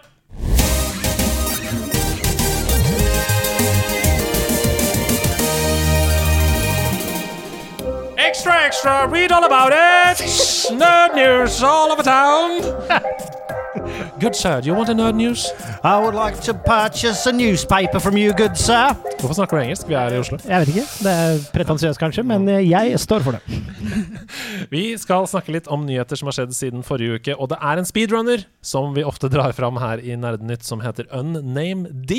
Og denne uka så har han fått til Altså, vi drar ikke ofte fram han, men vi drar ofte fram speedrunnere. Det var det jeg skulle fram til. Han har fått til noe helt sjukt i denne uka i Grand Theft Auto 5-spillet. Han har nemlig runda hele spillet uten å ta skade. Som første person i historien. Altså, Han har aldri blitt skutt på, han har ikke blitt truffet av en bil, han har ikke falt ned fra et hus. Han har, ikke, han har, han har gått gjennom spillet med 100 av 100 HP gjennom hele. Fytti grisen. Han har nemlig installert en mod i spillet som gjør at eh, med en gang du treffes av noe, da, så er det game over. Ah, ja. uh, så, så hvis du bare tar bitte litt skade, så er det sånn eh, wasted over hele skjermen. Det er hard mode. Det, det, det vil jeg kalle hardcore gaming. Det er vel det som ville blitt kalt nightmare pluss, pluss, pluss, pluss. Så uh, han ble altså verdens første til å klare dette i den kategorien, og nå begynner da selvfølgelig jakten på å gjøre dette raskest. Ja! Etter å ha klart det som førstemann. Ok, fordi nå har han verdensrekorden, for han er den eneste som har klart det generelt. Yes, yes han er den eneste som har klart det. Så vi får se da om det kommer noen Hvor var han fra? Du, det vet jeg ikke. Unnamed. Um, Det kan du sikkert google. Hvis du har lyst til å finne ut det. Vi har jo en uh, speedrunner i nederlandslaget som har vært gjest her før, som heter Susanne, eller Slippery Susie, som er nikket hennes. Og hun spiller jo alle Dark Souls-spillene og Bloodborne og sånn uten å ta skade. Og hun har runda alle de spillene uten å ta skade. Merker at jeg allerede er sjalu. Mm, Og ja, hun ja, er ja. Verdens raskeste kvinne altså, til å gjøre det. Så det er fantastisk. Eh, kanskje noe for henne, tenkte jeg. Ja. Kanskje hun kan gå til GTA 5 nå? Ikke sant? Det er jo to litt forskjellige spill, vil jeg tro. Hvis du først hadde brukt så mye tid på å bli så god i Dark Souls, så hadde jeg fortsatt der. Men det er meg, da. Legend of Zelda Skyward Sword HD remake eh, kommer til Switch. Det er på vei. Og de som spilte originalen, de husker sikkert at det var noen begrensede fast travel-muligheter i spillet. Mm. Du måtte gå til en location for å få tilgang til andre punkter du kunne reise til. Litt som fast travel i Returnal, eksempel. Altså, du må finne en sånn eh, panel å stå på, så kan du reise til noen steder. Eh, den formen her for fast travel den er fortsatt i spillet, selvfølgelig, for den er jo tro mot originalen. Men med en ny Zelda og Loftwing Amiibo, sånn fysisk plastfigur, så vil du som spiller når som helst kunne tappe Amiboen på switchen og fast-travele tilbake til huben. Og tapper du en gang til da, de er oppe i skyene der, tapper du en gang til, så reiser du tilbake til der du sto da du tappa første gang. Og så tenker du sikkert sånn Det er ikke så, er ikke så bra, det, men se for deg denne scenarioet, da. Du står inne i en dungeon. Eh, du er midt inne i halvveis liksom inne i en boss-dungeon, og så tenker du sånn Ah, fuck, jeg skulle hatt et item. Jeg skulle hatt noe healing, eller sånn. Blablabla, tilbake til huben. Kjøpe seg det du trenger. Blablabla, tilbake til dungeon. Og her er poenget mitt. Hva tenker vi om at dette her, den funksjonen der, er låst bak en figur som koster 300 kroner? Jeg tenker at det er det dummeste jeg har hørt noensinne, og det er veldig unintendosk å tvinge folk til å kjøpe noe av plastikk for å få en gamefunksjon som gjør spillet deres bedre og Mm. mer tilgjengelig. Det burde vært en funksjon du velger sjæl, om det skal være på eller ikke. Mm. Uh, og jeg syns det er helt høl i huet at det er gjemt bak noe som er Det blir helt sikkert veldig vanskelig å få tak i også, den Amiboen. Uh, så det liker jeg veldig dårlig. Kommer jeg til å prøve å kjøpe den Amiboen? Ja, det gjør jeg. Jeg tenkte det hørtes litt sånn smart ut. Ja, det, altså Fra et sånt uh, pengetjeningsperspektiv så er det jo veldig smart. Eh, spillet koster 600 kroner i seg selv. Du kan legge på 300 kroner til, så blir spillet bedre. Uh, men jeg syns jo på vegne av de som Vi prøver liksom å jobbe for at spill skal være tilgjengelig for flest mulig. Og at du da liksom Jeg gleder meg til å spille Skyward Sword. Jeg må bare spille det litt dårligere enn naboen som har kjøpt seg plastfigur. Ja, og jeg tar ikke hensyn til pengeperspektiv. Altså Bloddiamanter er også god butikk. Det betyr ikke at jeg stiller meg bak. Det har Men det er sant, og så åpner først den døren. Hvor skal det ende? Ja, det er sant. Det er sant. Så uh, ja. Jeg Nå- vet ikke Jeg kan jo tippe at uh, det der kommer til å få litt motstand, og at forhåpentligvis, da, kanskje de launcher det, og at det kommer en eller annen digital eh, ting du kan gjøre, eller et eller annet sånt Ja. som du kan få da, Nintendo kanskje. er jo ikke akkurat veldig kjent for å gå tilbake på ting de har gjort. Så eh, jeg har har ikke veldig store forhåpninger for at det forandrer seg. Men når det er sagt, så er det jo sånn at um, eh, noen vil jo argumentere for at denne funksjonen er ikke så viktig. Så ja. Og så vil, vil jeg argumentere for, en, en, bare sånn helt på siden av det, da, at den funksjonen blir låst, syns jeg bare er teit. Fordi Mm. det hadde gjort spillet mer tilgjengelig for noen. Mm. Uh, men jeg har spilt Skyward Sword tre ganger i sin originale form, og er, syns det er et fantastisk spill, Ja, sånn veldig som det er. Så det er ikke noe deal-breaker for meg. Nei da, et av de beste Zelda-spillene, faktisk. The Last of Us Part 2. Har du spilt det? Nei. Nei. Har du spilt Last of Us 1? Nei. Nei. Har du hørt om de spillene? Nei. The Last of Us Part 2 har fått en 60 frames eh, performance patch til PS5. Hei! Som betyr at du nå kan spille hele spillet i nydelige 60 frames. Og jeg ble gira jeg, på en ny gjennomspilling pga. det. Jeg bare vet ikke om jeg klarer det helt ennå. For det er det mest opprivende spillet jeg har spilt i hele mitt liv. Det var eh, smertefullt å spille gjennom, rett og slett. Men så da, til alle kan- så som kan du lide i 60 frames, da. Det er ja, hyggelig. men det som, de, til, til de som ikke har spilt det ennå, så er det en kjempegod nyhet. For de flyter jo bare veldig mye bedre. Helt til slutt i nyhetsspalten så må vi snakke litt om at Mass Effect Legendary Edition nå er ute. Og det er jo en oppusset versjon av den originale trilogien som kom på PS4, Xbox One og PC. Og den hylles av kritikerne, folkens! Xbox-versjonen har 90 av 100 på Metacritic, og PS4-versjonen er anmeldt til 9 av 10 på gamer.no. Skal dere spille dem, er mitt spørsmål. Jeg har spilt treeren så mye at jeg er litt usikker. Fordi jeg har lest litt anmeldelser rundt omkring, og det de sier, er jo at dette spillet bærer preg av å være et gammelt spill. Det ser nå mye penere ut enn det det gjorde, men combat og traversal og sånne ting er tydelig datert, og det er det. Men at historien er så fantastisk at den i seg selv, og bare interaksjonen og dialog og hvordan det kan påvirke neste. Så jeg vil gjerne spille de neste som kommer i Legendary Edition. Nei, men det er alle tre. Ja, ja, men jeg vil gjerne spille Det er eneren jeg ikke egentlig vil spille gjennom, som er den fleste anmeldelsene ligger Nei, på nei men Mass. Effect Legendary Edition er tre spill. Jo, men den første av de, det skal jo komme to Altså Det er alle tre spillene i sekvens, som jeg forsto det. Og nå Alle tre det spillene er i dette spillet. Ja, det skjønner jeg, men du må spille de i sekvens. Og, Ja, det, og de jo, ja. anmeldelsene som har kommet nå, er oftest bare av eneren. For de, har ikke, de fleste har ikke fått spilt noe mer, for det er jo 25-30 timer Liksom. Ja, jeg trodde alle Jeg trodde anmeldelsene var av alle tre spillene. Ja, jeg, for, jeg eh, forholdt meg til GameStop sin, og da sto det i hvert fall 8 av 10 for det første. Også, Ja. Altså part one, da. Men, nei, det- men, men, sa- men det er ikke så viktig. Poenget er bare at jeg er usikker på om jeg har tid. Ja, jeg. Fordi jeg kjenner historien så godt. Og Mm. hvis det er klønky og gammeldags å spille det, så er det ikke sikkert jeg orker. Var det jeg tenkte. Ja, nei, av de anmeldelsene jeg har lest, så opplever jeg at det er et kjempebra, et kjempebra spill. Så jeg er veldig gira. Jeg har aldri kommet meg gjennom alle tre. Så jeg, jeg sier uh, at jeg tror jeg skal spille, rett og slett.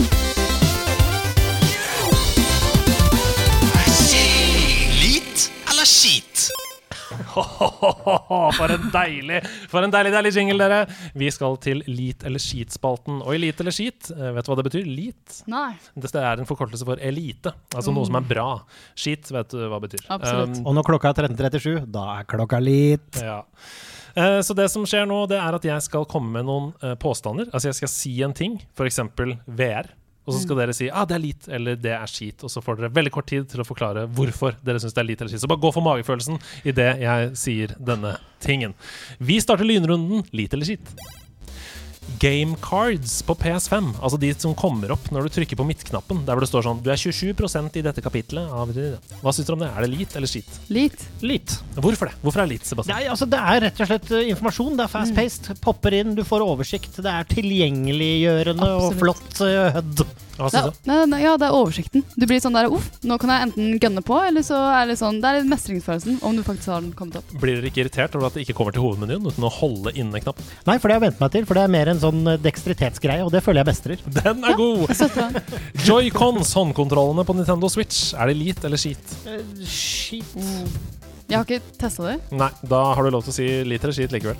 Lit, Ja, sikkert. du sier litt. Hva, hvorfor sier du det er skitt? Nei, altså jeg er ikke noe storfan av de. Jeg liker best vanlige gode kontroller. Nå kan jo disse joyconene klikkes på en sånn midtgreie, men de er ikke noe gode for hendene. Jeg syns ikke de er spesielt eh, bra, så jeg bruker en Nintendo Switch Pro-controller, og elsker den Men kontrollen! du som er forbrukervennlig, det kommer jo da to kontroller i én pakke, sånn at du slipper å kjøpe to kontroller i familien din ja, når du skal spille så- Mario Kart. ja, når du skal spille Mario Kart, og du setter de på siden og bruker de, da er de litt. Ja. Men når du har én i hver hånd, da er de skitt. Ja. Jeg syns også generelt det er veldig dårlig håndverk. De blir ødelagt veldig fort. OK. Sims-språket. Altså språket i Sims. Altså, så skit at det blir lit. Oi, oi, oi! Vet du hva? Det, En ny kategori? Det, kan ikke, altså, vet du hva? det syns jeg står for seg selv. Jeg hiver meg bare på det. det så, Så skit at det blir lit. Ta så Utdyp litt, hvis du Det er så dårlig, da. Og det- låtene, altså, det er så dårlig. Shankalaka, shagadora, altså, til at det bare blir sånn Det blir episk, det blir ikonisk. det Men blir uh... lagde du nettopp en ny hit her nå? Shankalanka Shabalabab? Shankar- Men visste dere forresten at Sigrid har en låt på Sims i Sims-språk? Har du det? Ja, ja, og hun har Ja. sunget den inn i sånn her. Ja, ja, er det Don't Kill My Vibe nå? Jeg tror det er det. det. Den er liksom Det er Sims-språk, og det, det er så sykt goals! Ja, men altså, Det nå er er det både så skit at det blir EA litt- Sports, hører dere det? Adelén vil ha en låt i neste Sims. Ta ringene. Ok, Gameplay som krever ting av deg fysisk, f.eks. å blåse i mikrofonen for å komme deg videre. Shit. Shit. Å, det var to unisone skiter der! Hvorfor det? Fordi det er, for meg blir det bare jippo. Noen ting er kult. altså sånn Risteting kan være kult. Sånn Å helle på kontrollen for å ha ting i vater og sånn. Men når det blir blåsing og hosting og skriking og dritt, da klarer jeg meg uten. Hvis jeg ikke kan gjøre det 100% komfortabelt fra fosterstilling, så er jeg ikke interessert. Altså, Jeg vet at jeg ikke er i det spillet, hvis du hva jeg mener, så hvorfor skal jeg gidde å blåse? Jeg vet at jeg bare blåser på kontrollen uansett. Men likevel syns du Resident Evil VR er gøy. da Jo, men jeg slipper å Jo, blåse! jo, men det er, det er ikke blåsing, det er liksom bare Du ser det. Du slipper så jævlig å blåse. Helt til slutt, i Lit eller skit, eh, hva syns vi om at våpen du har, knekker i Breath of the Wild? Altså, du må finne nye våpen. Når du har dem, så må du Ja. Litt. ja, Oh, det hørtes litt skit ut, da. ja. Hva, hva, hvorfor syns du det er litt? Jeg syns det er litt, fordi det oppfordrer deg til å mikse og trikse på playstyle, så du må planlegge, og det er litt sånn cool item managing.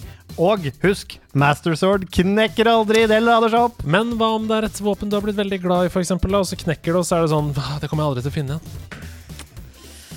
Ja, det er derfor jeg syns det er litt cheat. da. Mm. Hvor, når man først finner en og jobba for å finne et bra våpen, why does it have to break? Dere er nydelige mennesker med gode refleksjoner rundt min Lit eller skit-spalte. Takk for at dere deltok. Eh,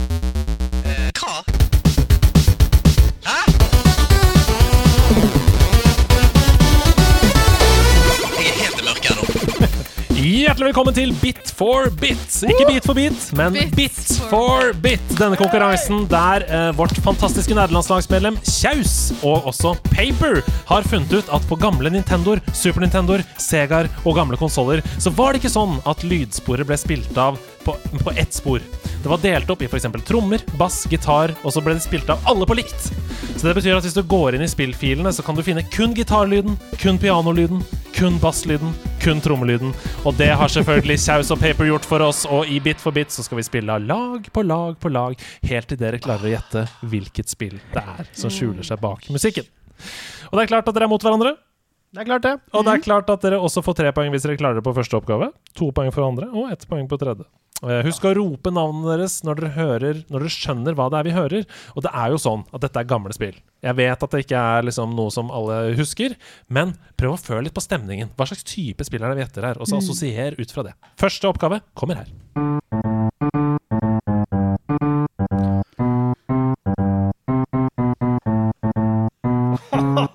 Det er klart det er vanskelig når du bare har basslinja på et gammelt uh, holdt jeg på å si konsollen. er det Gameboyen? Å, det er ikke langt unna det. Det er klart at det er ikke langt unna, tippa det. Hva slags følelse får du, Sebastian? Du sitter og nynner på basslinja der. Eh, eh, jeg, jeg vet hva dette er, eh, men jeg klarer ikke å komme på det. Eh, jeg, får, jeg får også håndholdt-vibb. Eh, så det tror jeg ikke er dumt. Men jeg klarer ikke å plassere nøyaktig om det liksom er en sv- Nei, ikke en Switch, men om det er en um, DS, eller hva det nå kan være. Jeg tror jeg, tror jeg må høre mer, altså. Jeg tar den ikke. Hva slags forhold har du til spillmusikk? Vi snakka jo litt om det i stad. Uh, det, jeg jeg syns det er Altså, det er en helt egen sjanger. Mm. Um, jeg syns det er Altså, bra spillmusikk gjør jo hele opplevelsen bedre. Som jeg skulle sagt det sjøl. Har du et tipp? Har du noe spill du har lyst til å tippe på denne oppgaven? Tippe? Ja, har du lyst til å komme med et forslag, liksom? Ah, altså Mm, Det må nynnes. Det er klart det må nynnes. Vanskelig. Ja, nei, jeg tror vi tar neste ledd, ja. Her kommer det litt flere elementer i soundtracket. Rop ut når dere skjønner hvilket spill det er. Sebastian! Er det Adelén? Eh, det, dette det, eh, det, det, det, det, det, det, Tre. Ah, eh, det, det er Super Mario! Eh, Det, To. det, det, det, det er Super Mario. Det er Mario. Eh, Det er ikke Super Mario. Det er Hva sier du, Adeline? Er det ikke Mario? Mario Bros? Mario Mario Super Mario World. du, ehm, Er det noe annet uh, Super, Vent. det er Super Mario World. Dere er nære! Er det ikke en boss på Super Mario eller et eller annet sånt? Nei? Dere får siste ledd, og så kan dere gjette en gang til. Vent, da. Du har aldri vært så groovy der borte som du er nå, Sebastian. Altså, hvorfor klarer jeg ikke å plukke du, du, du, du, du, du, du, du, du, du. Det er ikke Mario Kart? Jo! Det er Mario Kart! Ja!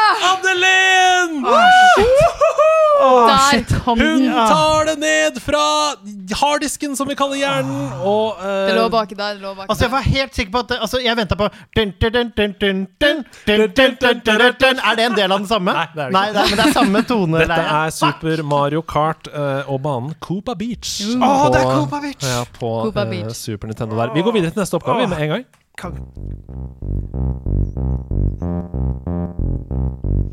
De er veldig like, de låtene her. Ja, er ikke dette litt mer treig i sessen, da? Bom, bom, bom, bom, bom, bom. Men eh, gratulerer, du leder altså 1-0. Det Ja, det er veldig inspirerende.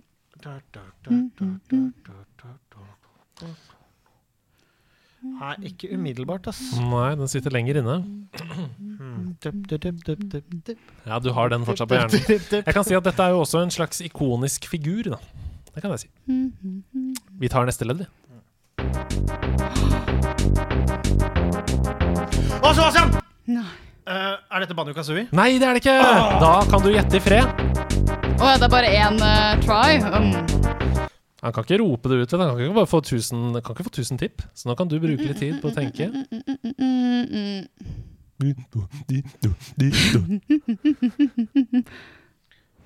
Faen, hva skal Har du den? Jeg, jeg lurer, ja, altså, det, det er bare det er en at det, jeg bomma litt på gjettet mitt.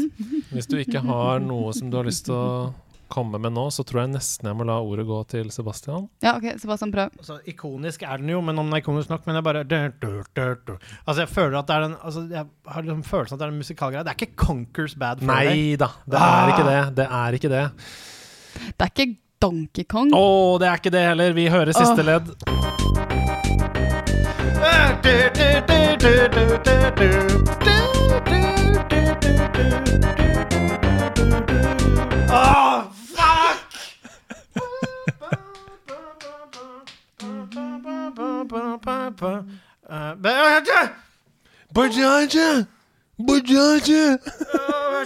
Det er mange fine lyder i studio her nå, og Sebastian er um, Han er lei seg. Jeg vet hva dette er. Jeg vet hva dette er. Nei, vil dere ha fasiten, folkens? Nei, kan jeg gjette? Ja. Åh, jeg må gjette nå. Det er liksom enten Bobble Bobble eller Ice Climber jeg har lyst til å gjette. Men jeg, nei, Ice Climbers jeg, jeg husker ikke. Det er ikke det. Dette, mine damer og Kan du si forbokstaven? Ja. K. K? King Kong? Nei.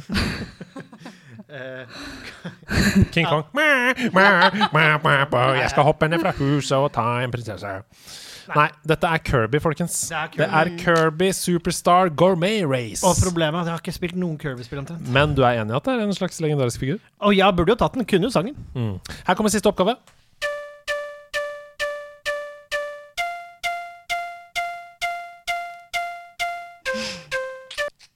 Dette er vanskelig.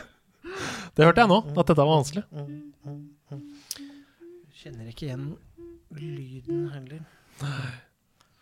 Nei, Skal vi, vi, skal vi gå rett på jeg lurer på det. en til? Oh. Jeg må ha poeng her, ellers så taper jeg. Hater å tape. Dette er så spennende. Det er så, det er så ta og føle Det er på. ta og føle Det er, altså, eh, du kan skjære luften i studio med kniv.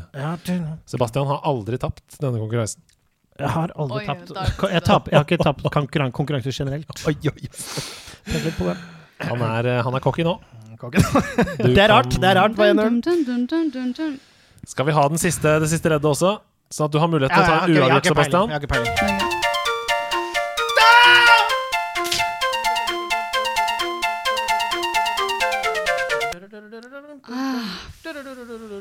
Dette har jeg spilt. Men... Ja, jeg vet at du har spilt det. Du har snakka om det før, til og med. Altså, alle gir meg egentlig bare liksom Mario-vibes. Mm. Ja, Det står helt stille i dag, altså. Jeg klarer ikke å hente det opp fra lageret. Jeg prøver meg igjen. Er det eh, Donkey Kong? Nei. Nei, det er ikke det. Vi skal til um, ja, Vi skal vel egentlig til flere konsoller, men for meg er det mest ikonisk på eh, Sega. Mm. Altså, det står bom stille, altså. Ja. Jeg har liksom, altså igjen, så, men det er jo ikke den ikoniske låta heller. Men jeg får lyst til å svare Jeg må jo svare noe. Jeg må, jeg må du må ta, svare en, noe. Ta en Hail Mary. Det er ikke noen flere lyder. Kan vi, Nei da, du får ikke mer nå.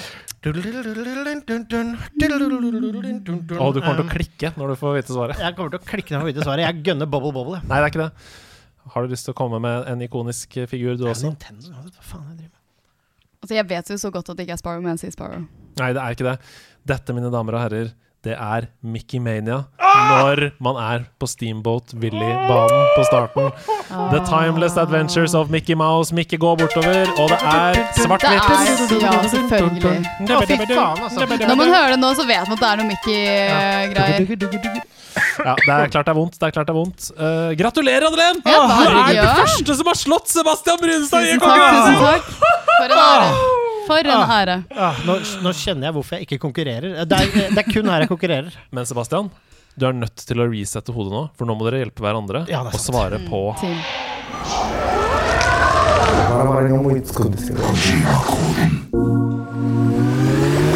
Ah, yeah! Vi er nede i Japans underverden, Tokyo. Laserne lyser rundt oss, og alt jeg har å si, det vet dere at det er. Oh, Hideo Kojima han har tatt over min body, oh.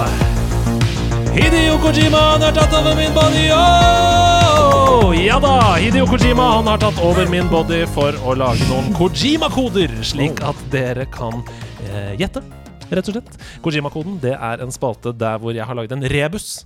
Og jeg har lullet et spill inn i den rebusen. Og så må dere sammen eh, bruke hjernene deres til å skjønne hvilket spill det er jeg er på jakt etter. Og jeg tror jeg bare går rett på sak. jeg. Her kommer den første koden. Husk å liksom hjelpe hverandre da.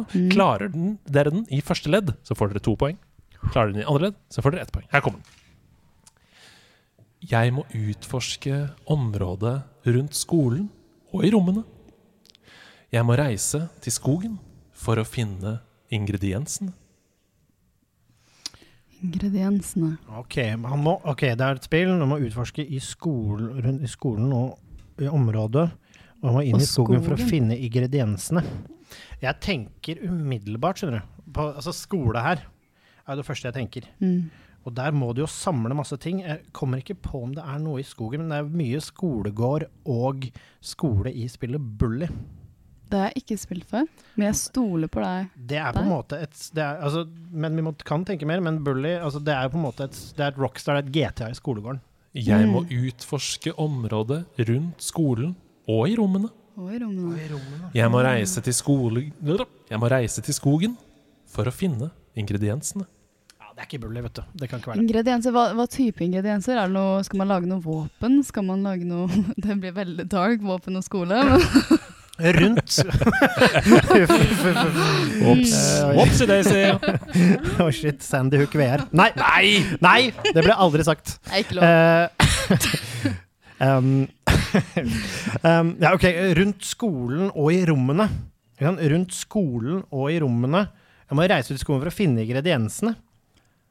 Uh, nei, altså det, det står altså. Vil dere ha ledd to? Yes. Ja. Jeg må lytte til Stina og være kvikk. Lære meg trylleformler og mikse en drikk. Altså Det er ikke Harry Potter. Det er altså bare sånn Stina. Jeg vet ikke, vet ikke hvilket språk Hermine er på. Altså Stina Nei, hun heter Hermine. i alle språk. Men er det, det er ikke Harry Potter? Det er ikke Harry Potter, det ble plutselig veldig Hva skal dere svare? Hva svarer Harry, dere? Harry Potter er Det er riktig! Ja! Det er Harry Potter and the Chamber of Secrets vi skal frem til. For det er er selvfølgelig Stina? Stønne-Stina som sitter i Moaning Myrtle! Jepp, Stønne-Stina heter hun på norsk. Eh, og du må ut i skogen for å finne ingrediensene til denne potion som du må lage sammen med Hermione. Hermione. Men dette er da Chamber of Secrets, som var det andre spillet som kom etter, eh, etter eh, Spilte du Chamber? Nei, jeg gjorde ikke det. Nei, ikke jeg heller. Åh, det er deilig. Dere får et poeng der. Og nok en gang så er det Adelén som drar inn! Hey. Nei, er det. Møtt min overkvinne her. Vi skal til neste oppgave. Dette ligner mistenkelig på GTA 3. Men det er jo altfor tullete til å være det! Saints Row! Det er ikke Saints Row. Er det Goat Simulator? Det håper jeg det er. I så fall så er det ni poeng. Hvis det er Goat Simulator nå, så er det ni. Dette ligner mistenkelig på GTA 3, men det er jo altfor tullete til å være det. Altfor tullete til å være det. Ja, det er ikke Saints Row, som er et tulle-GTA. Som det kunne vært. Men det ligner på GTA 3, men det er for Mm. tullete til å være det. Uh, hva var det Hva var det, ja? Uh, hva het det for noe? Det er et sånt spill Å, vent. Oh. For det er en grunn til at jeg ikke sier GTA 4 eller 5 eller Vice City her. Altså, det er jo samme Hva var greia med GTA 3? Hva var spe... Ja, det var jo det første GTA-spillet i 3D, da. Open World, du kjører rundt, altså. Det er bare, ja. Men det er for tullete. Det er, det, det er et spøkefullt, tøysete spill. Tulle-GTA. Så kanskje Minner mistenkelig om GTA 3, men det er for tullete til å være det.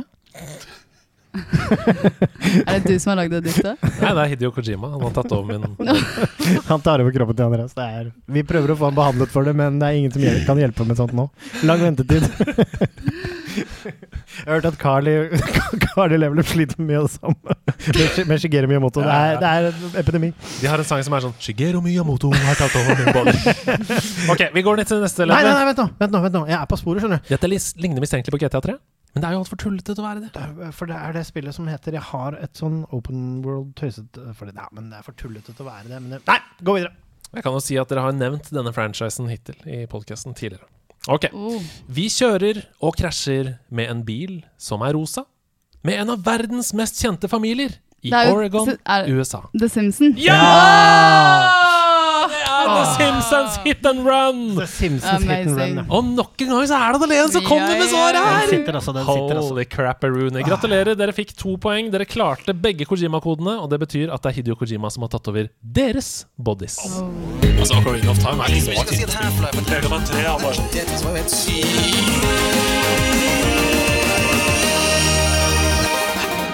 Har det holdt seg? Ja, har det holdt seg egentlig? Dette er jo en spalte der hvor vi eh, i hele denne sesongen har spilt gamle, gamle spill som ligger på Metacritics sin toppliste over de beste spillene som er lagd noensinne. Og denne uka her så har vi kommet til en gammel plattformfavoritt. For hva er det vi har spilt, Sebastian? Vi har spilt Super Mario 3. Vi har spilt Super Mario Bros 3. Har du fått spilt det noe særlig, Adeline? Ja, Jeg har spilt det. Wow! Hvordan spilte du det? Eh, nei, ikke nå. Nei. Men jeg har spilt det tidligere. Ja, så bra, så bra, så bra, så bra. Jeg har spilt det denne uka her på Nintendo Switch, fordi det er inkludert. Hvis du har et online-medlemskap, så kan du spille masse spill fra Super Nintendo og Nintendo og sånn. Men det er ikke et nytt som har kommet nå? Nei da, det er Nei, det gamle nei, det er Super gamle. Nintendo. For Super Mario 3, bare litt historisk kontekst her, det er et plattformspill som ble utviklet og utgitt av Nintendo for Nintendo NES, altså den aller første Nintendo hjemmekonsollen. Det ble utgitt i Japan 23.10.1988, i Nord-Amerika 1990. Og i Europa 1991. Tenk på det! Hele tre år etter så kom det til Europa. Det hadde vært skandale nå, hvis GTA 5 hadde kommet tre år etter til Europa, f.eks. Spillerne de kontrollerer jo da enten Mario eller Luigi. Du må som vanlig redde prinsesse Toadstool og de ulike kongene i syv forskjellige riker da fra Bowser. Og som i tidligere Mario-spill så beseirer du fiender ved å trampe på dem, eller bruke ting som gir magiske krefter som sopp og ildblomst. Men i Super Mario 3 så har også disse brødrene nye evner, inkludert flyving og det å kunne skli nedover bakker. Så Super Mario Bros 3 det introduserte masse elementer som ble helt avgjørende for Mario-serien videre. F.eks. dette verdenskartet, som er fylt med baner og andre overraskelser. Det var ikke noe, for, det var ikke noe før det. Og alle Mario-spill siden har jo nesten hatt dette verdenskartet. Så det, mm. alle plattformspill har jo nesten hatt dette siden Super Mario Bros 3. Så det ble jo selvfølgelig hyllet av kritikerne da det kom. Det er regnet som et av historiens aller beste spill. Men hvis du er 15 år 40 år, 60 år i dag, du har aldri spilt Super Mario Bros 3, du tar det opp for første gang. Har det da holdt seg? Er det et bra spill i 2021? Ja, altså det, Dette er jo det store spørsmålet, og det tror jeg vil være, som i mange andre tilfeller, litt subjektivt. Eh, Mm. Fordi du må være innstilt på å spille gammel bit-grafikk, og det er en gammel, enkel platformer med de basale, altså i sin basale form. Men jeg vil si et rungende og kraftig ja. Det har holdt seg. For det spillet er Det er superpresist, og det er kongemusikk, god stemning. Det er morsomt. Det er masse hemmeligheter å, opp, å, oppdage. Det er, for, det er masse forskjellige vanskelighetsgrader eh, underveis. Det er et ganske vanskelig spill til tider. Det er variert og fint og kreativt. Og et lite sånn tidsvitne. Og du kan se så veldig mye ting, da, og hvordan det har farget liksom gaminghistorien. Så hvis du liker spill, og du er litt interessert, så er det i hvert fall en no-brainer. Og hvis du liker plattformere, altså øh, sånne rudimentære plattformer, så er det i hvert fall en no-brainer. For det er superpresist, superkult, og et lite stykke historie å kose seg med. Mm. Tror det er for de spesielt interesserte. Tror du Ja, det? tror du det? Jeg tror altså sånn Jeg elsker Mario, uh, men jeg tror kidsa nå Mm. hadde kanskje ikke helt skjønt det når det er grafikken Det er Ikke sant, ja. Ja, fordi det, men det For er jo Mario sånn, er jo bare en rød klump og to øyer, og det er, det er ganske lite detaljer, da. ja. Samtidig så er det jo veldig sånn tidløs grafikk. Da. Det er jo tegna, liksom. Det, altså, jeg skal ikke sammenligne med Fortnite, for det, jo, det ser jo ut som reelle mennesker. Mm. Men, men det er fortsatt veldig sånn eh, For eksempel Tomb Raider da, på PlayStation 1. Det var jo bare sånn piksler, liksom. Det har ikke holdt seg like godt Nei. som disse, denne grafikken, for den er veldig tegna. Altså, det ser ut som en håndtegna ting, liksom. Mm. Så ja, men jeg skjønner hva du mener. Men sånn er det noe kidsa gamer nå som er i den grafikken. Som har uh, Det er det, de er jo ikke vant til det det. måtte vært, det måtte vært Super Mario Maker, da. Det Ja. er det ganske mange som gamer. Ja. eh, Og, og så tror jeg det der, da, altså sånn i mobilgaminga, altså sånn pick up and play-ting, så tror jeg Mm. du ser mer av det. Men jeg, jeg er jo enig i at jeg tror, jeg tror dette står fjellstøtt hos et retropublikum. Men jeg er litt enig i at liksom, Mm. kanskje den sal, sal, innsalget til en 13-åring nå, da, som spiller Fortnite, er nok tungt. Ja. Men det er nettopp det at spørsmålet her er ikke liksom Får jeg solgt det? Spørsmålet her har det holdt seg. Og jeg Mm. tror at hvis de setter seg ned og gir det en sjanse, så Mm. tror jeg det er et spill som kan både Mm. liksom være avhengighetsskapende, moro, utfordrende Mm. og liksom Jeg tror at hvis du hadde liksom sagt Si, si en klasse i Mm. sjuende klasse på barneskolen sagt her er hver deres uh, Switch, i dag skal vi spille Mario 3, så tror jeg mange hadde kost seg. Jo, definitivt. Det er jo hjernetrim, og det er jo, du sitter der lenge. Flere timer. Mm. Jeg tenker, altså Da jeg, da jeg starta det opp igjen nå, så følte jeg sånn Det er, bare, det er så mange gode ideer i det spillet her. Liksom. Uh, husk at dette fantes ikke før dette spillet, disse ideene. Og nå er de basically alle gode plattformspill. Helt fra sånn basic plattformideer til at du liksom må vente på en plattform som kommer sånn dit, dit, dit, dit, dit, ned. Det fantes ikke før Super Mario 3. Uh, og det var bare sånn helt sånn Og ikke minst spøkelsene som du må snu deg. Uh, når du snur deg, så kommer de mot deg. Hvis du ser på dem, så stopper de. Ja, ja, ja. Første gang i Super Mario 3. Kjempekul ting! Og Mm. tenk som en kid da, liksom. Det er bare sånn Går dette an i TV-spill? Uh, d- I 1988, da, eh, basically. Men, men, jeg, men jeg ser for meg sånn nå, nå nevnte jeg jo kids, men jeg nevnte også 40-åringer og 60-åringer og sånn. Ja, Og jeg tror dette er ganske eh, bredt spill. Jeg tror det treffer veldig bredt. Det kan liksom Du trenger ikke å lære deg reglene i Counter-Strike for å, for å spille Super Mario, på en måte. Men, men, men samtidig så er det, det Dette er et Super Mario-spill som på en måte dytter franchisen, som du sier. da Og det er jo mye som skjer her. Masse drakter, masse funksjoner. Ja, ja. Du kan ta liksom, Plutselig kan du skyte, og så kan du fly.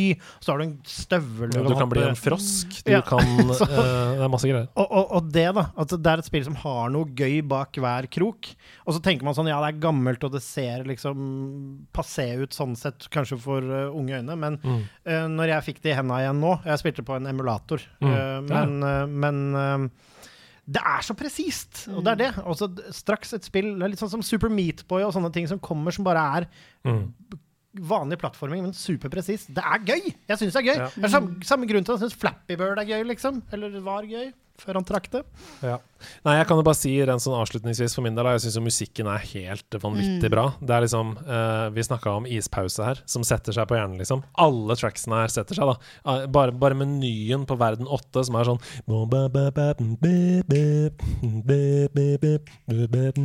Det er faktisk Verden 2, når jeg tenker meg om.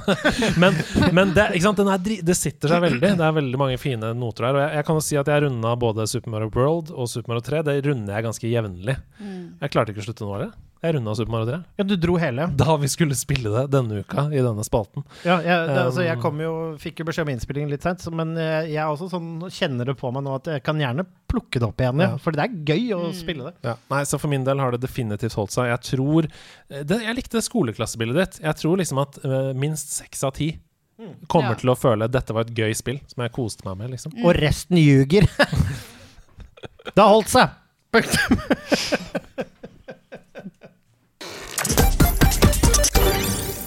Vi har kommet til korktavlen vår, og dette er så gøy å ha besøk av deg, Adelén! Fordi vi har nemlig fått en video. Eh, korktavlen det er jo der hvor folk sender oss spørsmål som Ja. de har lyst til at vi skal svare på. Eh, og denne uka her Gud a meg, vi har fått en sånn morsom video. Eh, se, på, se på dette. Hei, Andreas, eh, Stian og gjest. Eh, vi har fått med oss at eh, i hvert fall du, Andreas, er veldig eh, fan av Eurovision. Eh, så vi hadde lyst til å sende en liten hilsen rett fra backstage her i Rotterdam. Hei, hei. Fra to eh, spillere på laget. Ja, store fans. Eh, det spilles jo en del. Vi har jo litt eh, fritid her, og det blir en del venting. Ja, det har blitt en del venting. Du har med Switch. Ja, med Switchen. Der har du gått i uh... Jeg har spilt mest Breath of the Wild på rommet. Ja, litt Smash har vi spilt. Ja. eh, Mario Kart. Eh, vi har med en PlayStation. Eh, der har vi spilt uh, Tekken. Ja. Også på IOS har jeg spilt Dead Cells. Funker dritbra med DS4. Og så har vi spilt uh, Hearthstone når vi sitter og venter på koronatesten her. Ja, og så spiller jeg med kona og spiller Wild Rift uh, League of Legends for vi sitter hjemme. Ja, det er bra. ok, har vi et spørsmål til eller? Ja, vi har et spørsmål. Ok. Ja, jeg har skrevet den her. Ja, du leste du. Ok, og, uh, Om dere skulle ha skrevet en låt til Eurovision, fins det et viktig tema, en eh, fengende historie eller et spillunivers låta kunne handla om? Og hva slags spillmusikk ville den uh, ligna på? Og hvem ville kostymene ha vært inspirert av? Det hadde vært litt kult å finne da. Ja, Hilsen oss. Jeg heter Jon Masaki. Bjørnar Reime, spillere på nederlandslaget. Ja, og vi er også, da vi kan jo nevnes, vi er korister. eh, Ja. Og, ja, vi er dansende korister for Tix i Eurovision. Det er finale i kveld. Er det Vi gleder oss veldig. Nå skal vi synge kjøttet, kjøttet går for en. Direkte hilsen fra Rotterdam og djevlene til Tix, som er spillere på nerdelandslaget! Det er fantastisk. De hadde jo masse på hjertet, og det er deilig. Men dere, hvis dere skulle lagd en Melodi Grand Prix eller Eurovision-låt Du har jo vært deltaker i Jeg Melodi var Grand Prix. faktisk det. Ja, ja. Um, hvis dere skulle lagd en uh, Melodi Grand Prix-låt, hvilket spillunivers skulle den vært fra? Liksom Kostymene, hvilken historie skulle dere fortalt fra spilluniversene? Altså, sånn, når han nevnte jeg syns Tekken hadde mye kule kostymer. Ja, det har vært gøy. Og det føler jeg er litt sånn inn nå. Ja, Litt sånn orientalsk stil, kanskje, Ja, på, veldig. på låta. Du kommer, inn, Nei, nei, jeg er helt med! du kommer inn som Du kommer inn som Yoshimitsu fra Tekken på scenen. Og det er sånn Derfor, det er derfor jeg ler. Over anlegget, og mm, mm, mm, ga. Så er vi der. Tekken. Ja. Nei, jeg liker det. Uh, ja, ikke sant? Eh, Det, å, det er vanskelig spørsmål. Men jeg har også tenkte litt sånn i kampsportformat, men det blir ofte litt voldelig for Grand Prix, kanskje, med Mortal Kombat. Sånn I'm gonna rip the head off your torso. Get over here, baby. Men men Vet du hva? Jeg, jeg, jeg bare sier The Witcher. Altså The Witcher-universet. Det, det kom jo en låt eh, i forbindelse med The Witcher-serien på Netflix, Toys of Coin to Witcher, som ble en kjempehit verden over. Men jeg ser for meg der Se for deg da. Du kommer ridende inn som Gerald of Rivia. takk for at du var. Gerald. Ikke sant? Og du, okay. har, du har på deg den episke kappen der. Litt, e- du er litt emo, liksom. Du, er, Ja. du har, du har eh, konflikter inni deg, eh, og så har du noen overnaturlige evner, og så kommer du ut på scenen som Kiri. Kommer du ut der den mystiske, råbeintøffe kvinnen som bare eh, Og så skal dere fighte mot uh, oh. The Wild Hunt. Eller sånn. Kanskje vi kjører, slår et slag for liksom trans-community, sånn at vi bytter litt roller. At du er Ja. Gerald. Definitivt. Så er jeg ja, for du har jo hårfargen også. Det lyse, hvite håret til Gerald der, som du kan ri ut der. Og så kan jeg være en fager mør. Litt sånn Conchita Wurst-stil, da. Ikke sant? Kom jeg Ja, men du der. har jo skjegget også. Det er nettopp det! Ja, fagre former. Så det, altså, jeg tror jeg kan gjøre en god jobb der. Altså. Det må Så, til. men, men uh, hva tenker altså, jeg, altså, Det er også et eller annet med Selda. Det er for lite altså, Det er sikkert mye fanmusikk, da, men jeg tenker også det. Men hadde det vært gøy å liksom I Grand Prix-format så føler jeg også at man er på et sted hvor alle vi tre, da, hvis vi er en supergruppe, og så er vi hver vår Tetris-blokk. Og så er det sånn Vi bygger en framtid! Sammen er klossene sammen Altså veldig banalt og jævlig. Og så modulerer du Vi bygger en framtid! Til Så kommer et sånt element inni der. Ja. Vi Vi bygger framtid, vi er framtidsklosser. Her kommer Seb Adelen og Hedemann. Nå skal jeg si deg hva det ble. Nå ble det sånn kommunen skal lage en låt på Facebook. For å appellere til millennials. Bogerud Tekstil Grand Prix tenker du på. Intern Internorganet. Oi. Eh, Adrian, har du noen flere spilluniverser? Spyro the Dragon kunne vært gøy. Oi. Drager over scenen. Da må, hvis det skal være Istedenfor de djevlene, så kanskje dragene på, Ja. på scenen hadde vært fett. Jeg tenkte også Tom Bryder da jeg spilte det. Ganske Ja. sånn nice uh, i forhold Lara til Croft der, og bare Mm. gæ, inn Mm. med liksom Altså, fleksen og grønnere. Absolutt. jeg føler altså på Witcher-temaet føler jeg også at liksom Det føler jeg at allerede Rein Alexander jobber med. Skjønner du? At det er hans neste move, føler jeg litt. At liksom I'm fighting for the country! Here I come on a horse! Føler er Et naturlig neste steg nå. Jeg syns du skal pitche det inn til han. ja. Hvis han ikke har tenkt på det, burde han tenke på det.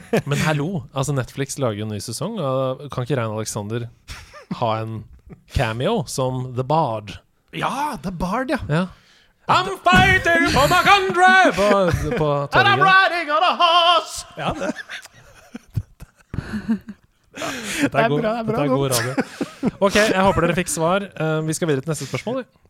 Hei, Blipp-Hedo og Adelén. Eh, det er det er Kall meg, Eh, kall meg gjerne Blipp, altså. Har dere noen spill som dere har dårlig samvittighet for at dere ikke har spilt ferdig, men som dere liksom aldri prioriterer når dere setter dere ned for å spille? Eh, Det er den Det er, en, det er en elefant i rommet, eller golden retriever i rommet, da, for Adelene nå.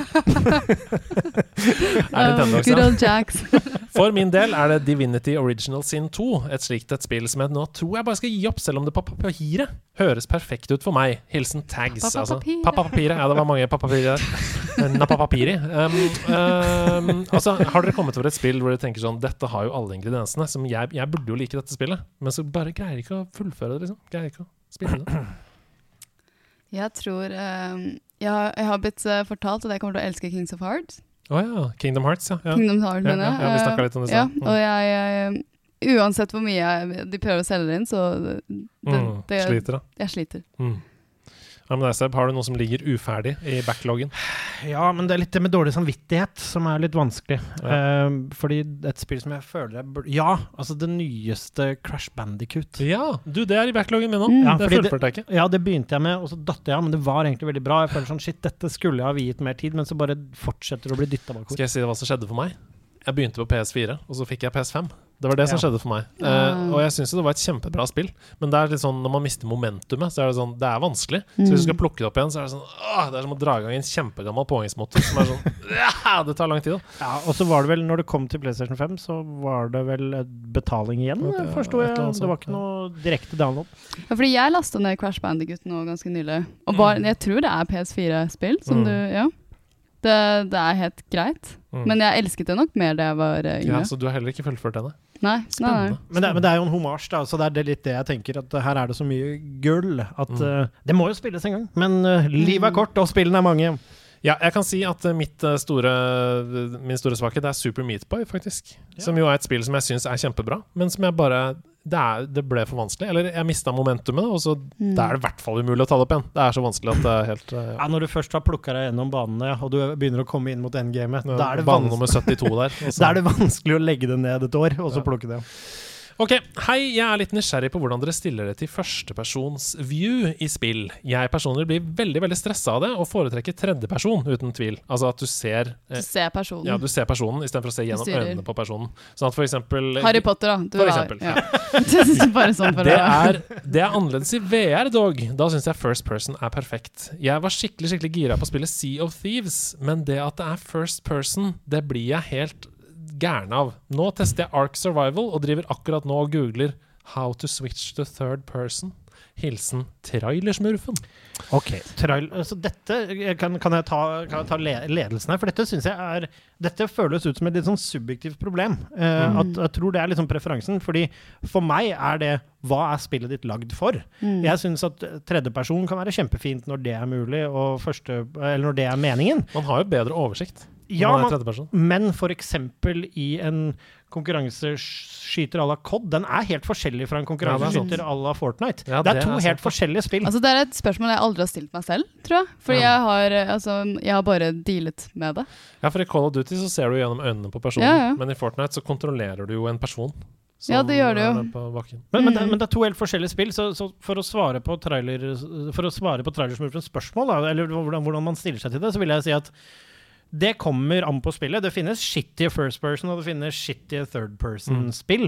Men jeg tror ikke det er helt Jeg tror problemet ditt her ligger at du rett og slett ikke liker førsteperson, person, som Ja. du sier. Mm. Og da er det rett og slett bare en hel Og det er jo veldig synd, eh, men da er det jo en hel spillsjanger, på en måte, eller en hel type spill som ikke er for deg, da. Så Mm. Nei, jeg kan si eh, Personlig så foretrekker jeg alltid third person. Jeg syns det er diggere. Eh, Mm. For eksempel i bilspill og sånn, så vil jeg se bilen. Jeg vil ikke sitte bak rattet. Jeg vil se bilen, hvordan den er i forhold til eh, kantene på banen og sånn. selv når du har ratt og pedaler? Ja. Jeg vil Ser altså. du bilen? Ja, jeg liker tredjeperson. Eh, men men eh, når det er sagt, så har jeg ikke noe problem med førsteperson heller. Jeg synes det er kjempegøy. Jeg har spilt masse Sea of Thieves, jeg har spilt masse uh, spill som har førsteperson. Overwatch, Så, for eksempel.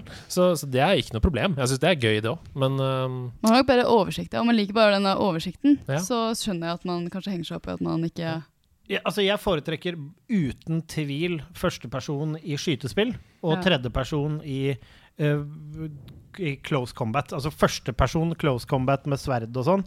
Sånn som Skyrim, da. Ikke for meg. Altså sånn, Det går helt fint, men det er ikke min favoritt. Da elsker jeg liksom Dark Souls og den varianten. Men i skytingen så liker jeg det førsteperson. Helt til slutt her så skal vi uh, ha litt annerledes uh, innslag. Det er et lite brev som vi har fått ned i postkassa her.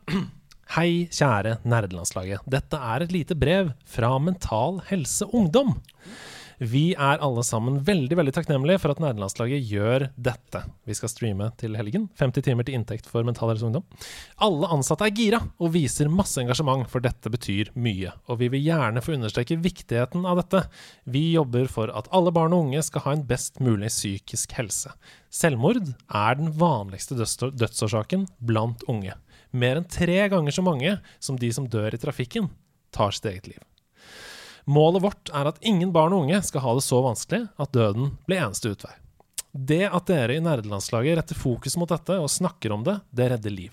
Flere får vite om oss, vårt arbeid, budskap og vår kunnskap blir mer tilgjengelig. Så tusen hjertelig takk for alles utrolige engasjement inn mot 50-timersstreamen. Dere skal bli godt kjent med oss og arbeidet vi gjør. Vi gleder oss enormt, og vi håper så mange som mulig stikker innom i løpet av helgen. Det kan finnes mange grunner til at en er lei av livet og ønsker å gi opp. Men vi trenger kun én grunn for å kjempe videre. Nerdelandslaget er en grunn. Dere, spillerne på laget, er hver og en av dere en grunn. Sammen hjelper vi andre med å velge livet. Så vi snakkes på streamen 28. til 30. mai. Hilsen Kalle, Mental Helse Ungdom. Det er fint. Det er veldig fint. Det er ekstremt motiverende, faktisk. Jeg kjenner selv at det er sånn Vet du hva? Nå! Nå skjer det. Så folkens, det kommer til å bli kjempe, kjempegøy. Følg med fra fredag klokka seks. Hele helgen! Døgnet rundt! Døgnet rundt. er det blanding av underholdning og alvor. eh, Og du skal være våken etter i to netter, så jeg gleder meg til å se fjeset ditt på søndag kveld. Denne fyren kjører det vi kaller 50 timer i livet! Og det blir frokostshow, blant annet, Ja, etter søvndepresjon. gønna på. Ja.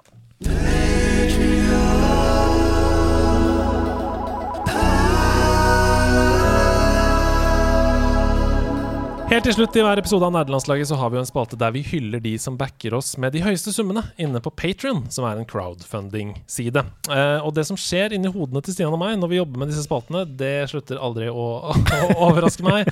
Vi har hatt absurdteater, hvor vi har lest opp de forskjellige eh, navnene. Vi har hatt reklameslogans, der bl.a. Snipp, Snaps, Snorre Martinsen kom, kom til live. Og som kanskje står som noe av det råeste noen Snorre Martinsen noen gang har blitt kalt. Men denne uka her så trenger jeg faktisk hjelp fra dere to, altså. Ok. Fordi jeg tenkte, så- jeg tenkte som følger Åh, dette er Ja. Um, det er mye stress om dagen. Ja. Folk har eksamen. Vi, er sånn, vi går inn i den innspurtsmåneden på jobb før ferie. Snart er det sommer og sånn. Så jeg tenkte, kan ikke vi lage en ASMR-sekvens?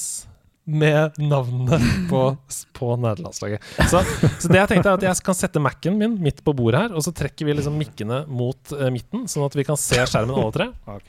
Og så leser vi da ett og ett navn, eh, og en, på liksom beste ASMR-vis. Og det, ASMR er jo egentlig bare da hvisking. Sånn som. Med litt ekstra fokus på noen av bokstavene. Så, eh, og da, da, tror jeg vi har en slags vinneroppskrift her. Så jeg skal bare starte tracket som jeg tenkte skulle være i bakgrunnen. Der, dette blir... Lurer du på ja. hvordan 11 milliarder norske kroner ser ut? Nei. Nei det lurer jeg ikke på. Ok. Jeg begynner. Så kan dere bare ta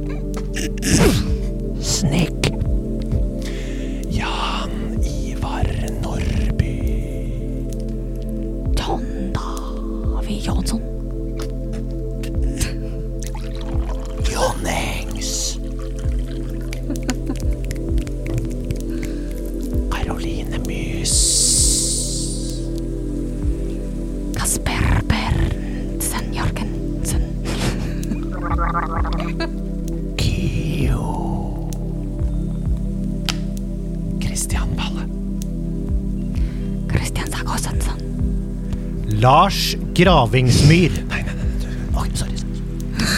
Det er ikke fotballkamp.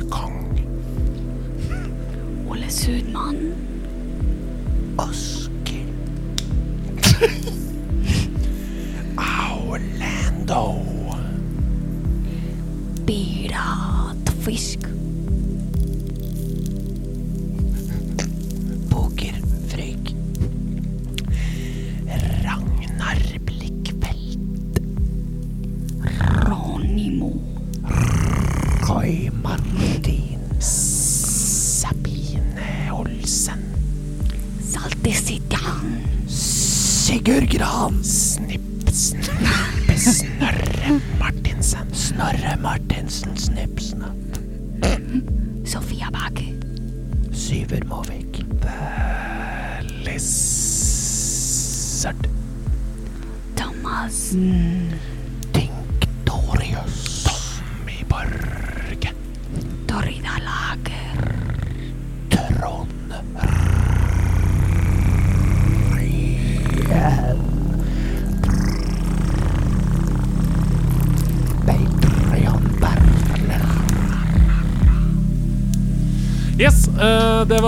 ASMR-sekvensen av nerdelandslaget. Er det noe av det rareste jeg har vært med på i hele mitt liv? på en måte? Jeg vet ikke hva jeg gjorde nå, men ok. Adelén, tusen hjertelig takk for at du har vært gjest i nerdelandslaget. Fy søren, for en innsats! Altså, ja, altså, så gøy! Og så glemte jeg jo 100 i mitt utrolig dårlige taperhue å si gratulerer Amen. med å gruse trynet mitt i konkurransen! Tusen, tusen takk. Det, mm. det er en uh, stor premie. Hvis det er noen i denne store, vide verden som lurer på om du er supernerd, så har de fått svaret nå. Du er en fantastisk, fabelaktig, supertøff supernerd, um, og det er vi veldig, veldig glad for. For en familie å være en del av. Ja, Et lag! Vi er et lag! Vi er et et er lag! et lag, og uh, du er det nyeste medlemmet Tusen takk. på For en ære. Hvilken posisjon vil du spille? Eh, Beck. Beck. Perfekt. perfekt. Harry Potter-Beck. Ja, Harry Potter-bekken i rumpeldunk der. Harry Eh, Toppenbeck? Harry Toppenbeck. Eh, nå er hodene våre ferdig. Uh, tusen tusen takk for at du tok deg tid til å være her sammen med oss. Det setter jeg skikkelig pris på. Det var veldig, veldig hyggelig. Mm. Takk for at jeg fikk komme. Har du noe som du er aktuell med? Har du lyst til å plugge noe til slutt? Som kanskje folk kan Kan de se deg noe sted? Kan de høre deg? Ja, jeg eh, skal spille litt eh, Det er jo litt eh, lite konserter om dagen, men jeg skal spille Tønsberg, Sandefjord og Horten. Så Åh. hvis noen vil vite hvor og når, så gå inn på min Instagram. Søren. Det er en Det er- deilig liten Vestfoldsminiturné. Det er det. eh, home, Homeland. Og, da skal du, og hvilke spill skal du spille? Det er konsert, Nettopp, nettopp. Du skal ikke liksom innom og Du tar ikke med deg Nintendogs on tour? Burde vært LAN. Ja, det burde vært land. Men det er en nydelig liten stripe nedover eh, Vestfoldskysten der, så få med deg alle tre konsertene, da vel. tenker jeg. Gjør det. Det er vel sikkert Det blir veldig hyggelig. Og så ses vi på 50 timer stream i helgen, dere. Følg med! Ha det bra! Hei! Ha det! Det var, det var Oi, det en var key. Det var en key.